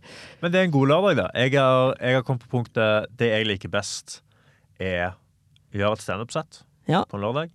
Og så vet jeg at rett etter standup-settet, da skal jeg på rave. Du skal på Da skal jeg ah, danse. Jeg skal ikke snakke med en eneste person. Jeg skal stå med min gruppe med folk. Jeg skal spørre trenger du vann, fordi jeg har med vann til alle. Og ellers så skal han bare danse. Så skal du danse, ja. Åh, fy faen, jeg elsker dansing. Du har jo en møllet her. Jeg har fått meg en møllet. har fått... Jeg har skli ut. Jeg har møllet og jeg har bart. Det har sklidd ut. Livet mitt har og du liker ut. rave. Og jeg liker rave. Altså, jeg har lent meg langt inn i det. Men jeg er òg glad i country, fordi jeg, har en sveis that can do both. Ja? Jeg kan gjøre både country du mister ikke bakkekontakten. Nei, nei, nei, på ingen måte. Altså, jeg hater meg sjøl. Det gjør jeg, så jeg har bakkekontakten der. Men jeg bare er utrolig glad i dans. Syns det er kjempegøy å danse på rave. Det synes jeg er helt nydelig. Ja, det er så gøy. Du mister deg sjøl bare inn i det. Det blir en sånn meditativ tråkk. Meditativ felles tråkkesession. Og det er noe sånn utrolig hyggelig med det. Det gjør meg så glad å stå i, et rom med en hel haug med andre mennesker, så bare alle tråkker i takt med denne her eh, harde biten. Jeg går ikke på liksom, utested her i Oslo som heter Gamla. Jeg går ikke på Gamla og danser, for jeg danser ikke til hiphop. Det, er bare- det, det er ikke min greie. Nei, jeg kan være, Det- mer, eh, det, jeg kan være med på litt hiphop-dansing. Der på Gamla så føler jeg at det er for mye folk som ser på dansegulvet. Som bare står Der er det jo skyhøy konkurranse òg, da. Ja, og alle skal liksom pule. Jeg er ikke her for å pule. Jeg danser ikke fordi jeg skal tiltrekke meg noen damer. Jeg skal danse fordi jeg viber hardt til denne musikken. Og da vil jeg bare tråkke i takt. Jeg vil flytte opp armene mine, og så vil jeg bare kose meg. Og jeg danser sånn at jeg skal danse lenge. Så jeg danser i tre til fire timer, liksom. Du er på en langkjøring på dansegulvet. ja, ja, jeg skal trene et ultramaraton, jeg springer langt, jeg danser lenge. Det er det jeg gjør.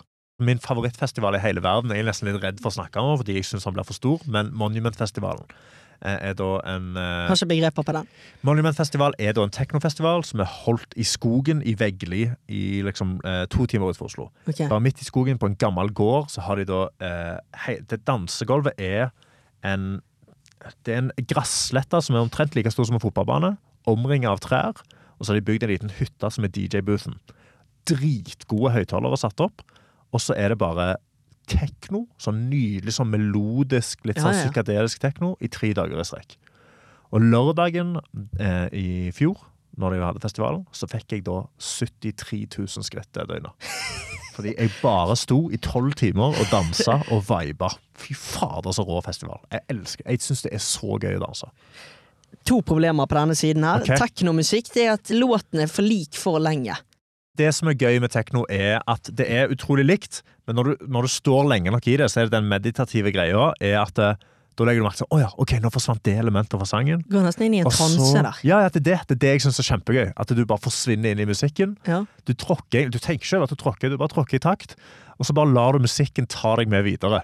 Så det er liksom flere øyeblikk i en sånn, i hvert fall et godt Det som jeg, jeg mener kjennetegner et godt DJ-sett, er at jeg bare begynner å le. For det er så jævlig rått. Det er bare sånn Faen, dette var kult! Og så står du bare viber hardt og tråkker. Det, liksom, det gjør meg så glad. Og det er òg det jeg liker å ha på når jeg jobber. Helt enig. Da setter jeg alltid på tekno. Det kan ikke være vokal. Ingen vokal. Det kan ikke være vokal. God vibe i tekno, så kan jeg sitte, jeg kan boppe og jeg kan trykke og skrive. Og det syns jeg er helt nydelig. Problemet nummer to er jo Ja. selvfølgelig det at jeg syns det det er mye dop eh, på de ravene sånn, Ja. føler jeg. Ja, det er det. Jeg mener så lenge man altså, jeg, Det mener jeg akkurat det samme som drikking. Så lenge du kan å drikke og du ikke tar for mye alkohol, Ja. så er du chill. Tar du drugs og du ikke plager andre, så er du chill.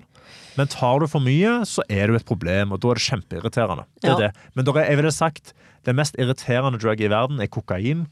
Og det er det mye mer av på utesteder enn det er på rave. Kommer aldri til å prøve. Kommer aldri til å ta i det dritet der. Ikke jeg heller. Det er helt forferdelig drug. Det er helt forferdelig å se på. Æsj. Det er ekkelt. Så det eh, Men det som er fint med techno-rave, er For det som er irriterende med folk som tar coke eller folk som har drukket for mye, er at de er innpåslitne. Veldig. Veldig innpåslitne. Selv om du er på dansegulvet eller du vil være i din egen verden. Folk på rave, eh, de respekterer ditt privatliv. Det kan være. Så du, ingen kommer bort til deg og skal ha en samtale med han fyren på doen eller skal kaste opp på deg. eller noe sånt. Du står i din verden og danser, og han står i sin verden og danser. Og så lenge vi ikke plager hverandre, så er vi good. Og da, Det syns jeg også er utrolig bra med Monument. Der har de, sånn, der har de en rusvakt. Har de det? Som er noen som går rundt. Det er et nummeret som liksom står på vesten. Hvis det er noen som liksom har tatt for mye, eller de er veldig innpåslitne, eller de sliter liksom med noe, så ringer du de, så kommer de og hjelper de, og tar de med til et trygt sted. Og så får de liksom rusa av seg. Men det der er litt interessant, for jeg trodde jo på en måte det at, at folk tok dop og sånn på sånne raves, at det på en måte var hysj-hysj. Men her har de faktisk vakter som hjelper. Har de folk. vakt som hjelper folk, de har liksom et sånn safe space-område for folk som er overstimulerte. Så det er liksom Og der har de folk Det er fra litt, det er litt sånn blomster og sånn inn på det safe space. Det er hippie, altså det er ja. ja, ja, ja det altså, men det er en hippiefestival. men det er ikke Røde. Kors-stasjon, det. Nei, det er ikke Røde Kors, men det er folk fra eh, Foreningen for tryggere ruspolitikk Ja, okay. som sitter der. Og det er jo folk er folk bra, som har liksom alle disse De har jo sånne mm, førstehjelpsutdanning og alt dette her, så de sitter liksom der og bare passer på at folk ikke For sjelden så tar man en overdose av et drug. Eh, Det er jo lettere å drikke seg i hjel ta Altså, det er jo ingen som tar heroin Nei. på rave, liksom, så det er jo lite heroinoverdoser. Men ofte ser vi bare at det er folk bader. Folk har en overstimulering og, og sliter litt. Og da blir det tatt til side og liksom bare få litt hjelp, få litt vann, kakao, få sitte med et bål og bare slappe av, og så lander de.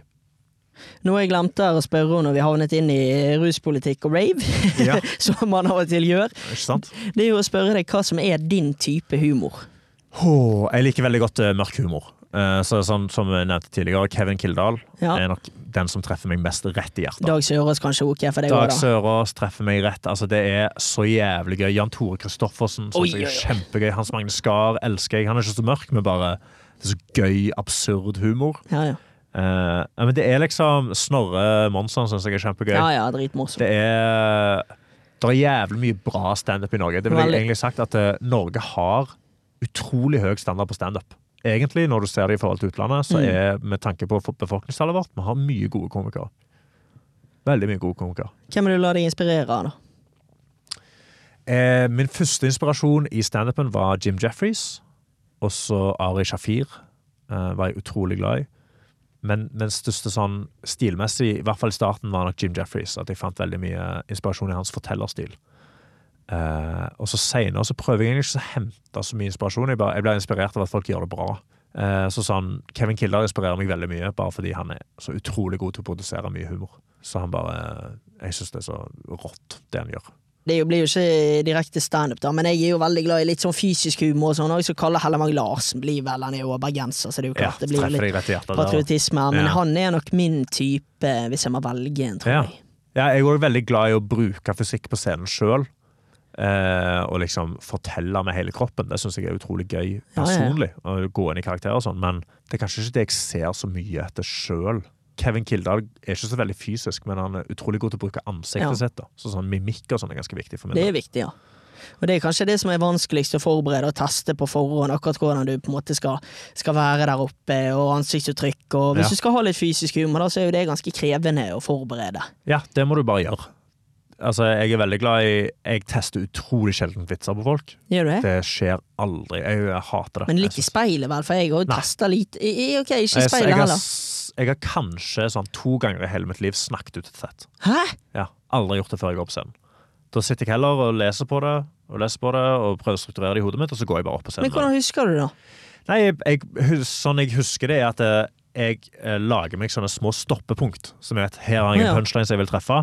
Og så har jeg lagd en struktur for hvordan jeg skal komme der, men den må ikke føles slavisk. Nei. Jeg må bare treffe dette poenget. Mm. Og så vet jeg hvor jeg skal videre derfra, og så har jeg et sluttpoeng som jeg har lyst til å ha.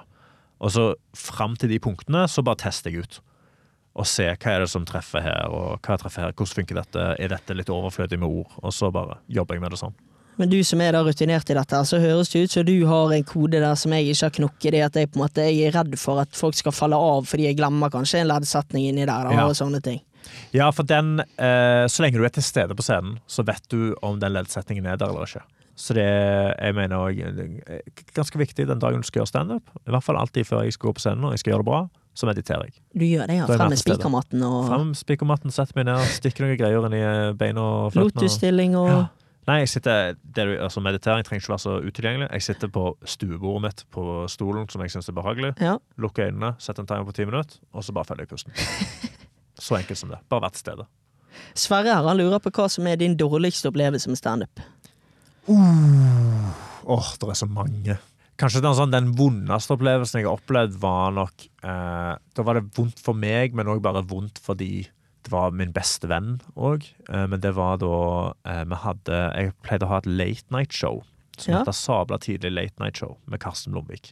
Hvor jeg hadde inne gjester, og så hadde vi liksom Det var et ganske gøy konsept. Og så skulle jeg ha det på Oslo Humorfest, eh, men jeg fikk hjernerystelse. Eh, Ah. Jeg trynte på sykkel, skamslo hodet mitt, kjempeblått øye, var helt fucked up.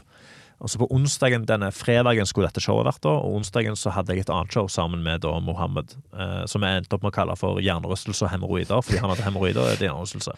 Vi gjorde dette showet, da hadde jeg jo hjernerystelse, og jeg var litt sånn ute av det. Og dette er jo ikke klart. Nei, det er ikke helt klart, og det var altfor mye fokus da, så jeg ble veldig sliten etterpå. Ja. Eh, og en av sjefene mine var til stede i publikum, og kom til meg og sa du skal faen ikke gjøre mer nå. Vi er livredd for at du skal bli sykemeldt i et år, liksom. Ja. det, du kan ikke holde på sånn som dette her. Så hadde de ringt videre til andre sjefer og sagt sånn, du må avlyse late nighten. Jeg hadde jo ikke lyst til å avlyse late nighten, fordi jeg var veldig stolt av det showet. Det skulle være på hovedscenen. Jeg syntes det var gøy. Jeg syntes det var stas å kunne få gjøre det. Mm. Så det jeg endte opp med å gjøre, var at eh, jeg lå hjemme den torsdagen, og så hadde Mohammed vært nede på humorfest. Han kom tilbake, ganske brisen. Og så sa jeg sånn Du, jeg tror jeg må avlyse showet. Og så nei, bro. Jeg gjør det for deg. Jeg er Karsten. Og så sier jeg eh, Hva han skulle gjøre begge ja, steder? han skulle være min han skulle bare, Da skulle han bare være Da skulle han være Karsten Blomvik. Han skulle være programlederen for denne konferansieren Å ja, okay. for dette showet. Så sa jeg da på kødd sånn Ja, skal du gjøre det i whiteface, du, da? For han er jo fra Jemen. Så sa han ja. Ja, det skal jeg. Så dagen etterpå så kjøpte han hvitmaling og en parykk. Jo. nei, nei. Altså, vi, og vi var så, for en eller annen grunn vi var så sikre på at dette skulle være gøy. Og vi får med oss gjester, og det, og det, det skal være collab, så det er da sofa skal være med. Så eh, Abu og Mayo skal sitte i en sofa Nei, på scenen nei, nei, og se på dette late night-showet. og så skal de kommentere late night-showet mens late night-showet skjer. Og jeg går opp, jeg har hjernerystelse, jeg har blått øye, og jeg sier bare sånn Jeg kan ikke, jeg får ikke lov å være her. Men jeg vil bare introdusere den som skal være Karsten Blomvik i kveld. Ta godt imot Mohammed Basefør. Og så kommer han ut i bokseren, for han skulle ta overdressen min. kommer ut i bokseren med kritthvit maling i trynet. Han ser ut som en klovn, liksom, bare uten leppene. Ja, Og Abu ser han, og, sier, og folk ler i et halvt sekund, og så blir det helt stille. ja. Og så ser Abu det, og så er han sånn Hva faen? Nei, nei, dette er ikke greit. Hva faen? Og Mohammed adresserer det ikke i det hele tatt. Jeg går bare av scenen, og Uff. det er bare bombefest i en og en halv time. Uff. Det er så vondt. Det er så jævlig. Og det er det verste showet som har skjedd, liksom. Jeg, jeg snakket med Henrik Flatseth etterpå, og sa jeg dette er det verste showet som har skjedd på norsk jord.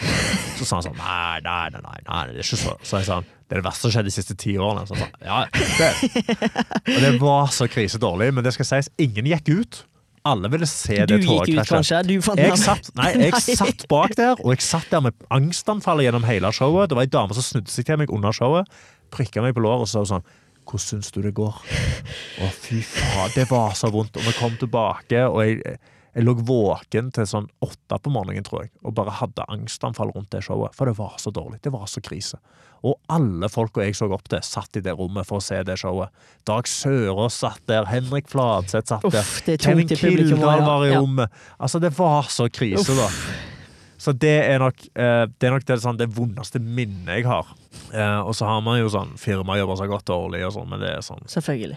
Sånn er det på en måte. Sånn er det. Jeg gjorde en, jeg gjorde en dårlig jobb for eh, NRK Super en gang. Jeg bomba for NRK Super På en fest de hadde da, eller? ja, på julebordet Det er deres. ikke sant. Ble Ja. leid inn i siste liten, kom inn der, og de likte det ikke i det hele tatt. Altså Eneste som lo, var de, som hadde, altså, var de unge dudesa i bremsespor som har litt samme humor som meg. Og det var Fy faen. Hva gikk galt der, da?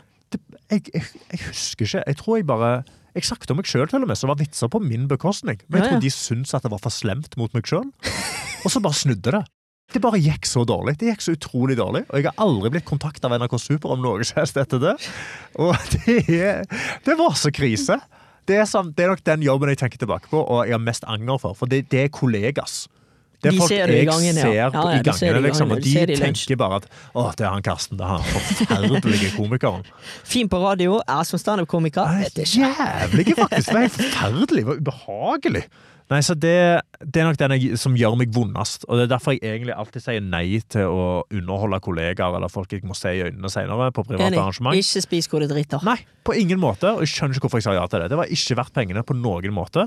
Fy faen, så jævlig det var. Jeg, vil- ja. Jeg har ikke lyst til å overrekke en unnskyldning, engang, for det, var, det, var, det gikk fra begge sider. Dette, dette var begge sitt skyld, men fy fader, det var drit. Æsj. Ja, nei, så om noen hører på dette og vurderer sånn Å, jeg skal gjøre litt vitser for eh, kollegaene mine, ikke gjør det. Don't do it, altså. Hvis ikke det bare er spontant. Da er det gøy. Det Hvis du er leid inn når du skal bli betalt og du får en mikrofon og de introduserer deg, ikke gjør det. Vi må lysne på stemningen, Ja, jeg, Karsten. fikk, jeg fikk vondt i magen, faktisk. Jeg har noen fordommer her i To Know Ya, så vi går rett på sak. Ok. ja, jeg tipper. Drikker kanskje litt mer. Rører ikke sengen om morgenen. Lystløgner. Jeg blir menneske. Og menneske. Håret er jo alltid om flink. jeg er karakter. Let's Get To Know Ya.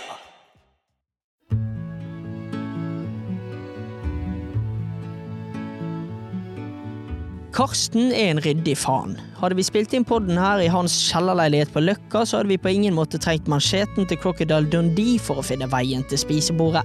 Det skal sies at han har levd livet med Grandis og blodcola, men etter han flyttet til Oslo er han blitt helt superfood. Det går i økologiske tomater, havremelk og hjemmelaget tunfisksmørbrød.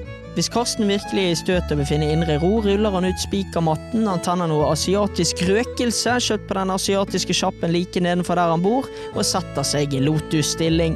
Her kan han gjerne tenke på alt ifra hvorfor huden er så hard på albuen, til morgendagens møte med P3-redaksjonen. Økonomien til Karsten har i flere år vært stram, men tiden med inkasso meg her og Svea Finans meg der er forbi, og han har til og med kommet seg inn på boligmarkedet. I hans egen nettbank har han stålkontroll, og han er i egen klasse når det kommer til å planlegge faste trekk til sine abonnementer på YouTube Premium og løpebladet Kondis. Til slutt må vi legge til at han elsker vennene sine. Hvis han måtte valgt mellom venner og fremtidige barn, hadde ikke Blomvik-navnet levd videre, men samtidig må det legges til at han er en kjempetøffel. Hjemme har han både Birkenstocks og fòrede vintervarianter i hyllen, og hvis damen sier at de har planer, så har de planer. Klart at dette tærer jo litt på Karsten tidvis, da det han egentlig vil er å diskutere dårlige nykommere på standup-scener rundt om i landet. Ok, eh, la oss ta det punktvis her. Eh, ryddig.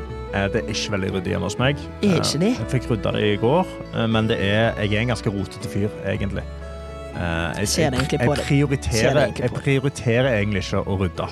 Det syns jeg ikke er så Altså, det er stas, det er fint å ha det ryddig, liksom, men det, det tar jeg en gang i uka, og så tar vi et skikkelig brudd.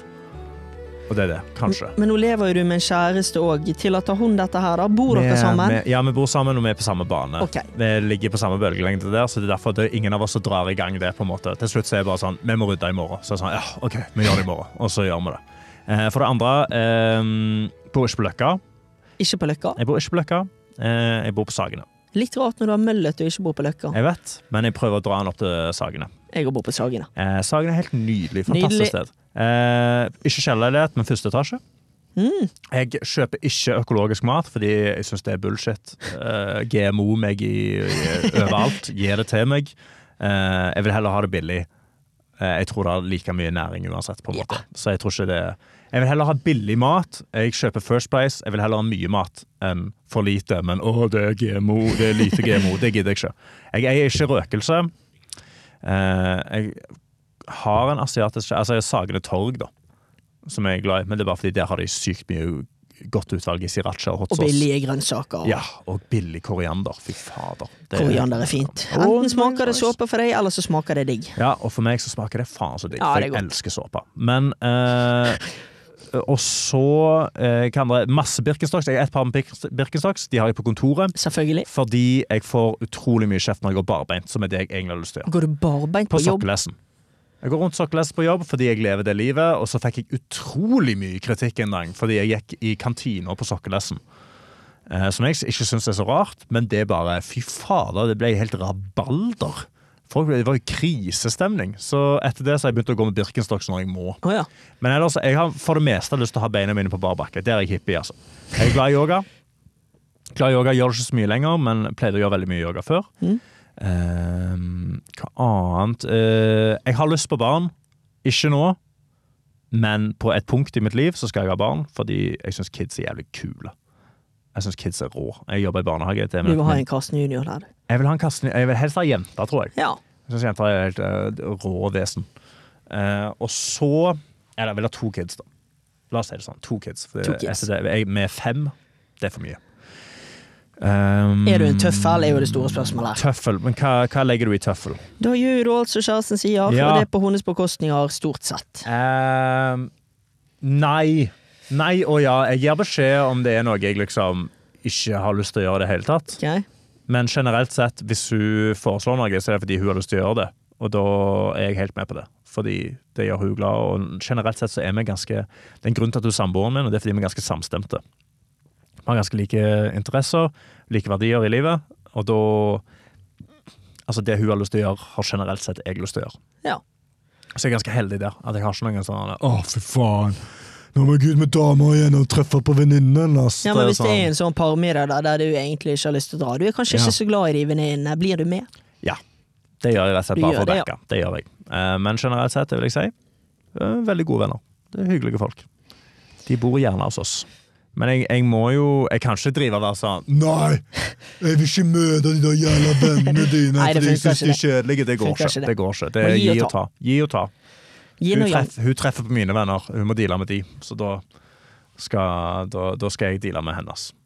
Er det noe jeg har glemt her? Hvordan treffer jeg sånn overall? Eh, jeg mener at den sett eh, hele Det var veldig mye feil inni der. Ja, det var en del feil. Ja, det var ganske mye Ja, feil inni der. Jeg feil. Eh, jeg er ikke så veldig hipster av meg.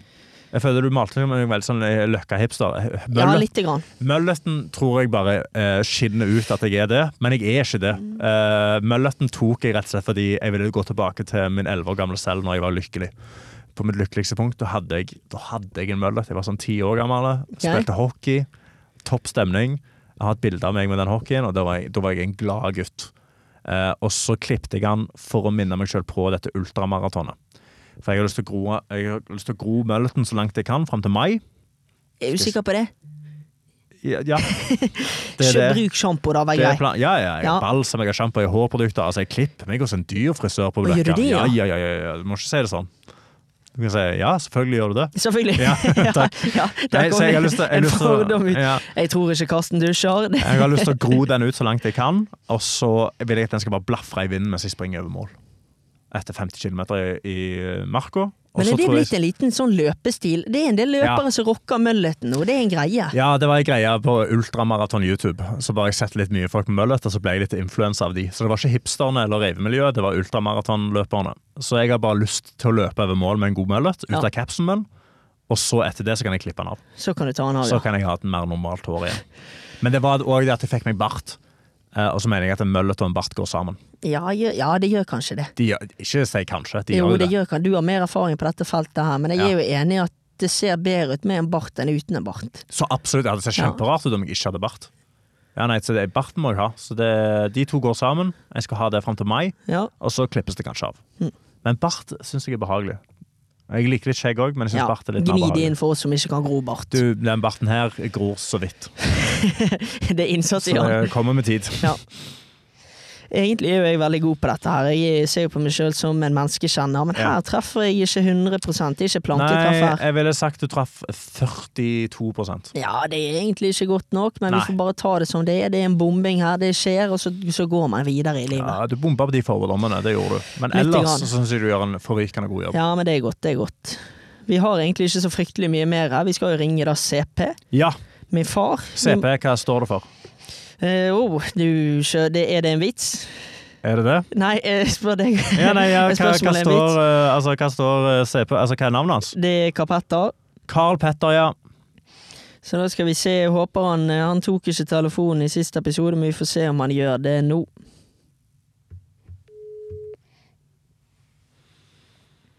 OK. CP, Carl Petter. Kapetter.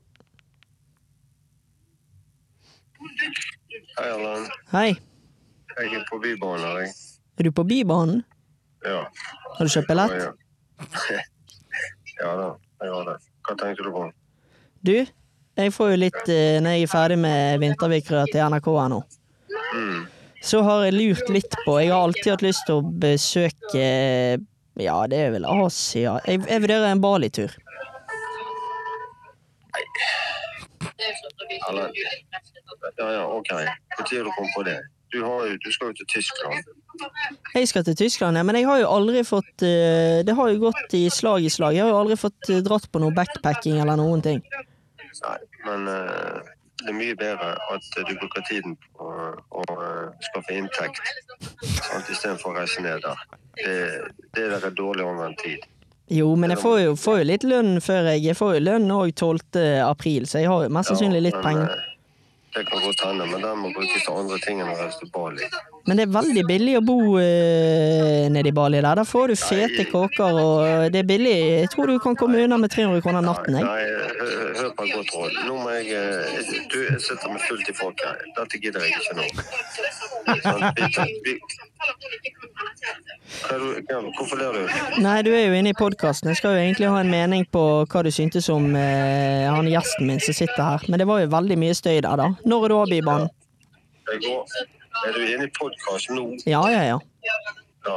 ja, men det er greit. Jeg skal gå på Fantoft. Jeg skal uansett gå der og kjøpe noe. Ja, men kan ikke du gjøre det, så bare ringer du meg kjapt opp igjen, så konkluderer jeg om gjesten er streit eller ei på, på, på veien der.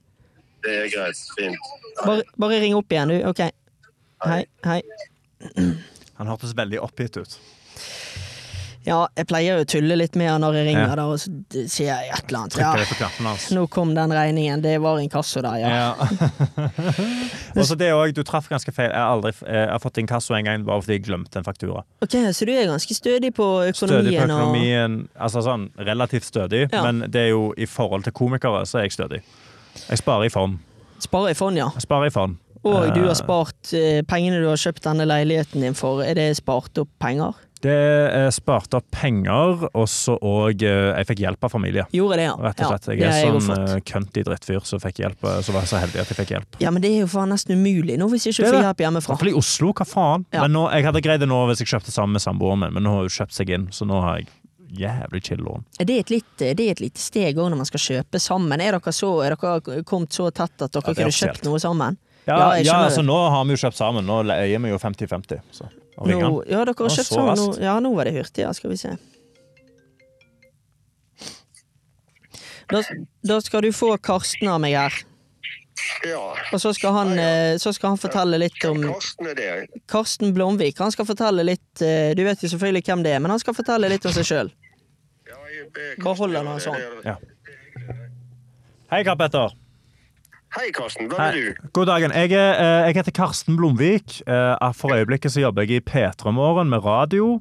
Eh, ja. Du er rogalending, hører jeg. Rogalending, helt korrekt, fra Stavanger. Og der er vi jo, vi er jo begge vestlendinger. Ja, vi er det. Ja, så det, det, det, vi må holde sammen på det. Vi, vi må det, vi må det. vi må det. Ja. Og, og så ellers på si så har jeg da tidligere vært dataingeniør, og så jobber jeg som standup-komiker på siden av det. Gjør du, gjør du jo det, ja? Alle nå forsøker å se på det. Det er et uh, trangt nåløye der, forstår jeg. Det er et trangt nåløye, ja. Jeg kommer heldigvis igjennom det nåløyet. Men, eh, det altså, men han hadde jo fått det til om han sto mer enn fem ganger, er det jeg ville sagt til han. Så han, han må jo bare Ja. komme seg på scenen. Ja, det er mengdetrening, det da, sant? Det er akkurat det det er. Jeg har hatt mengdetrening i åtte år, og til slutt så kom det gjennom etter seks år. Eller syv år. Ja, ja nei, sånn skal det være. Det er, ingen, eh, det, det, det, det er ikke noen sånne lavt, frukt, frukter der. Nei, det er det virkelig ikke. Da kan du ikke drive og dra på, på ferietur til Bali. Da må, du, da må du opp og stå på scenen, og sånn er det bare. Ja, nei, du vet, Han klarer jo å lure meg hver gang, og han ringer til de tidspunktene der jeg, jeg er mest uforberedt. Sant? Men det er sånn det skal være. Det er Du sånn min- det skal være. Du minte meg veldig om en far når du svarte der. Det, det var akkurat det. det Ja, var det, det var gjenkjennbart. ja, det var gjenkjennbart, ja. At uh, jeg er litt oppgitt av valgene. Nei, jeg er veldig fornøyd med Erlend. Han gjør eh, gode valg som regel, han. Men, Ja. eh, men uh, en ønsker jo å ha eh, de gode faderlige rådene, at de skal bli lyttet til litt ekstra. Ja, ja det, forstår jeg, eh, det forstår jeg veldig godt. Ja da, det er sånn det er å være far. Det, det, det er ikke noe vondt ment med det, vet du. Nei, nei, herregud. Det er jo bare av ren kjærlighet. Det er jo det jeg vet. Det er ren, det er ren omsorg. Du, eh, eh, dere må ha et fint show der. Jeg, jeg skal lytte til deg. Men du, hva, hva er programposten du eh, opptrer i? Eh, Jeg, jeg opptrer altså, i P3-morgene, der jeg eh, lager radio. Så nå er jeg ja, med på ja, ja. nå, så Det er jo, det er jo sånn ungmannsradio, da. Men hvis du vil komme inn og henge med oss kule, så må du jo bare gjøre det. Det er jo alle eldres drøm. Det er jo å henge med de kule. Ja, ja, ja, men da er du hjertelig velkommen inn. Da skal jeg, da skal jeg gi deg tilbake til din, eh, til din nydelige sønn her. Ja, fint greit. En ting vi må bare ta rett før du drar, her, det er jo det at eh, du har jo mye råd, som du sier, og Karsten Ja. skal da løpe ultramaraton. Stemmer ikke det, Karsten? Jo. Når er det? Det er 25. mai. Er det 63 km, det? Nei, det er 50. Det er 50, ja. ja tre, hvor mye trener du? Eh, jeg løper tre ganger i uka og løfter vekter tre ganger i uka.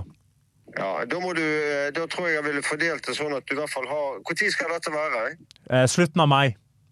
Slutten av mai. Nei, Da må du begynne etter hvert å legge inn en solid langtur hver uke. Ja, jeg sprang 28 km i forrige år.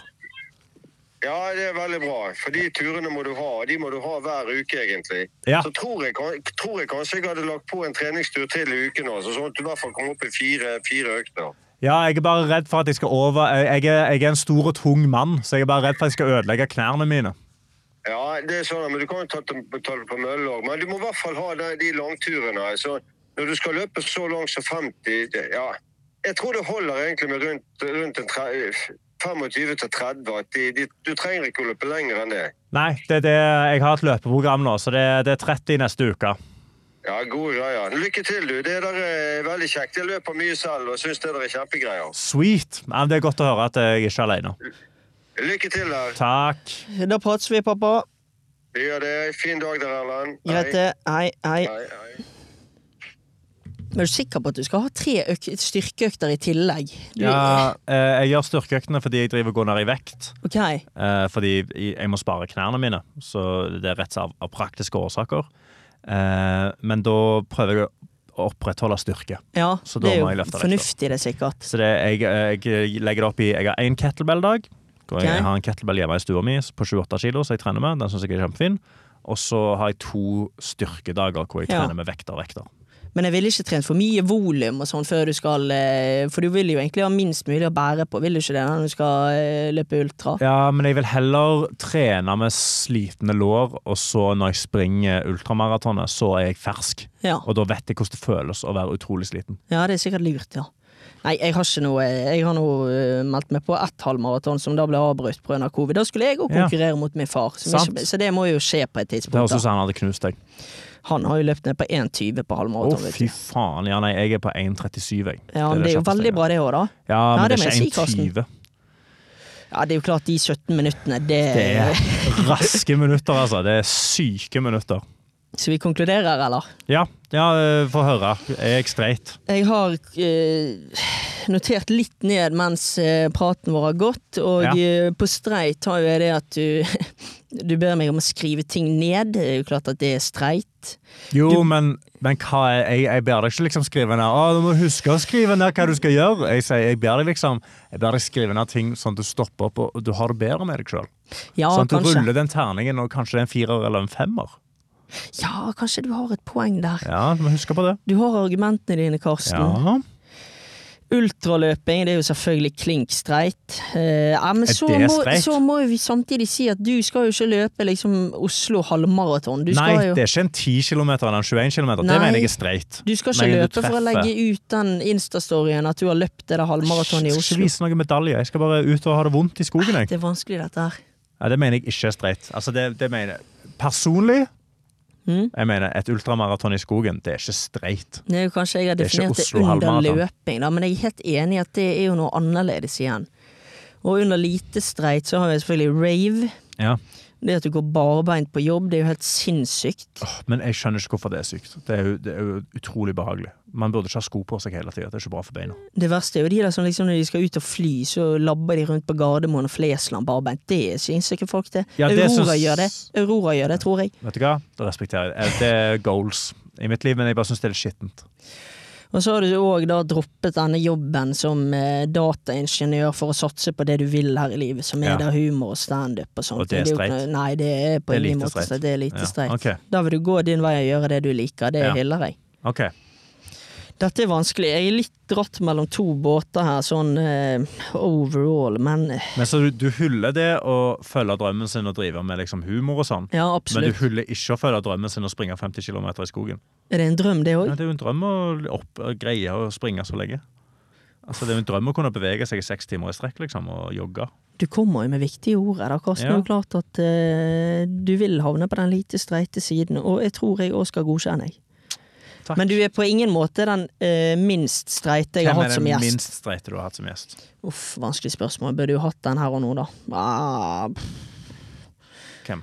det er jo klart det at? Bernt Hulsker er jo veldig lite streit Ja. og sånne ting. Det er jo ah, Det er vanskelig. Det er mange som er streit òg. Det må nesten inn og se på, liksom. Okay. Hvem er mest streit? Jeg vil ha mest streite og Mm. minst streite. Skal vi se. Dette er de to eh, jeg ønsker å høre hvem er.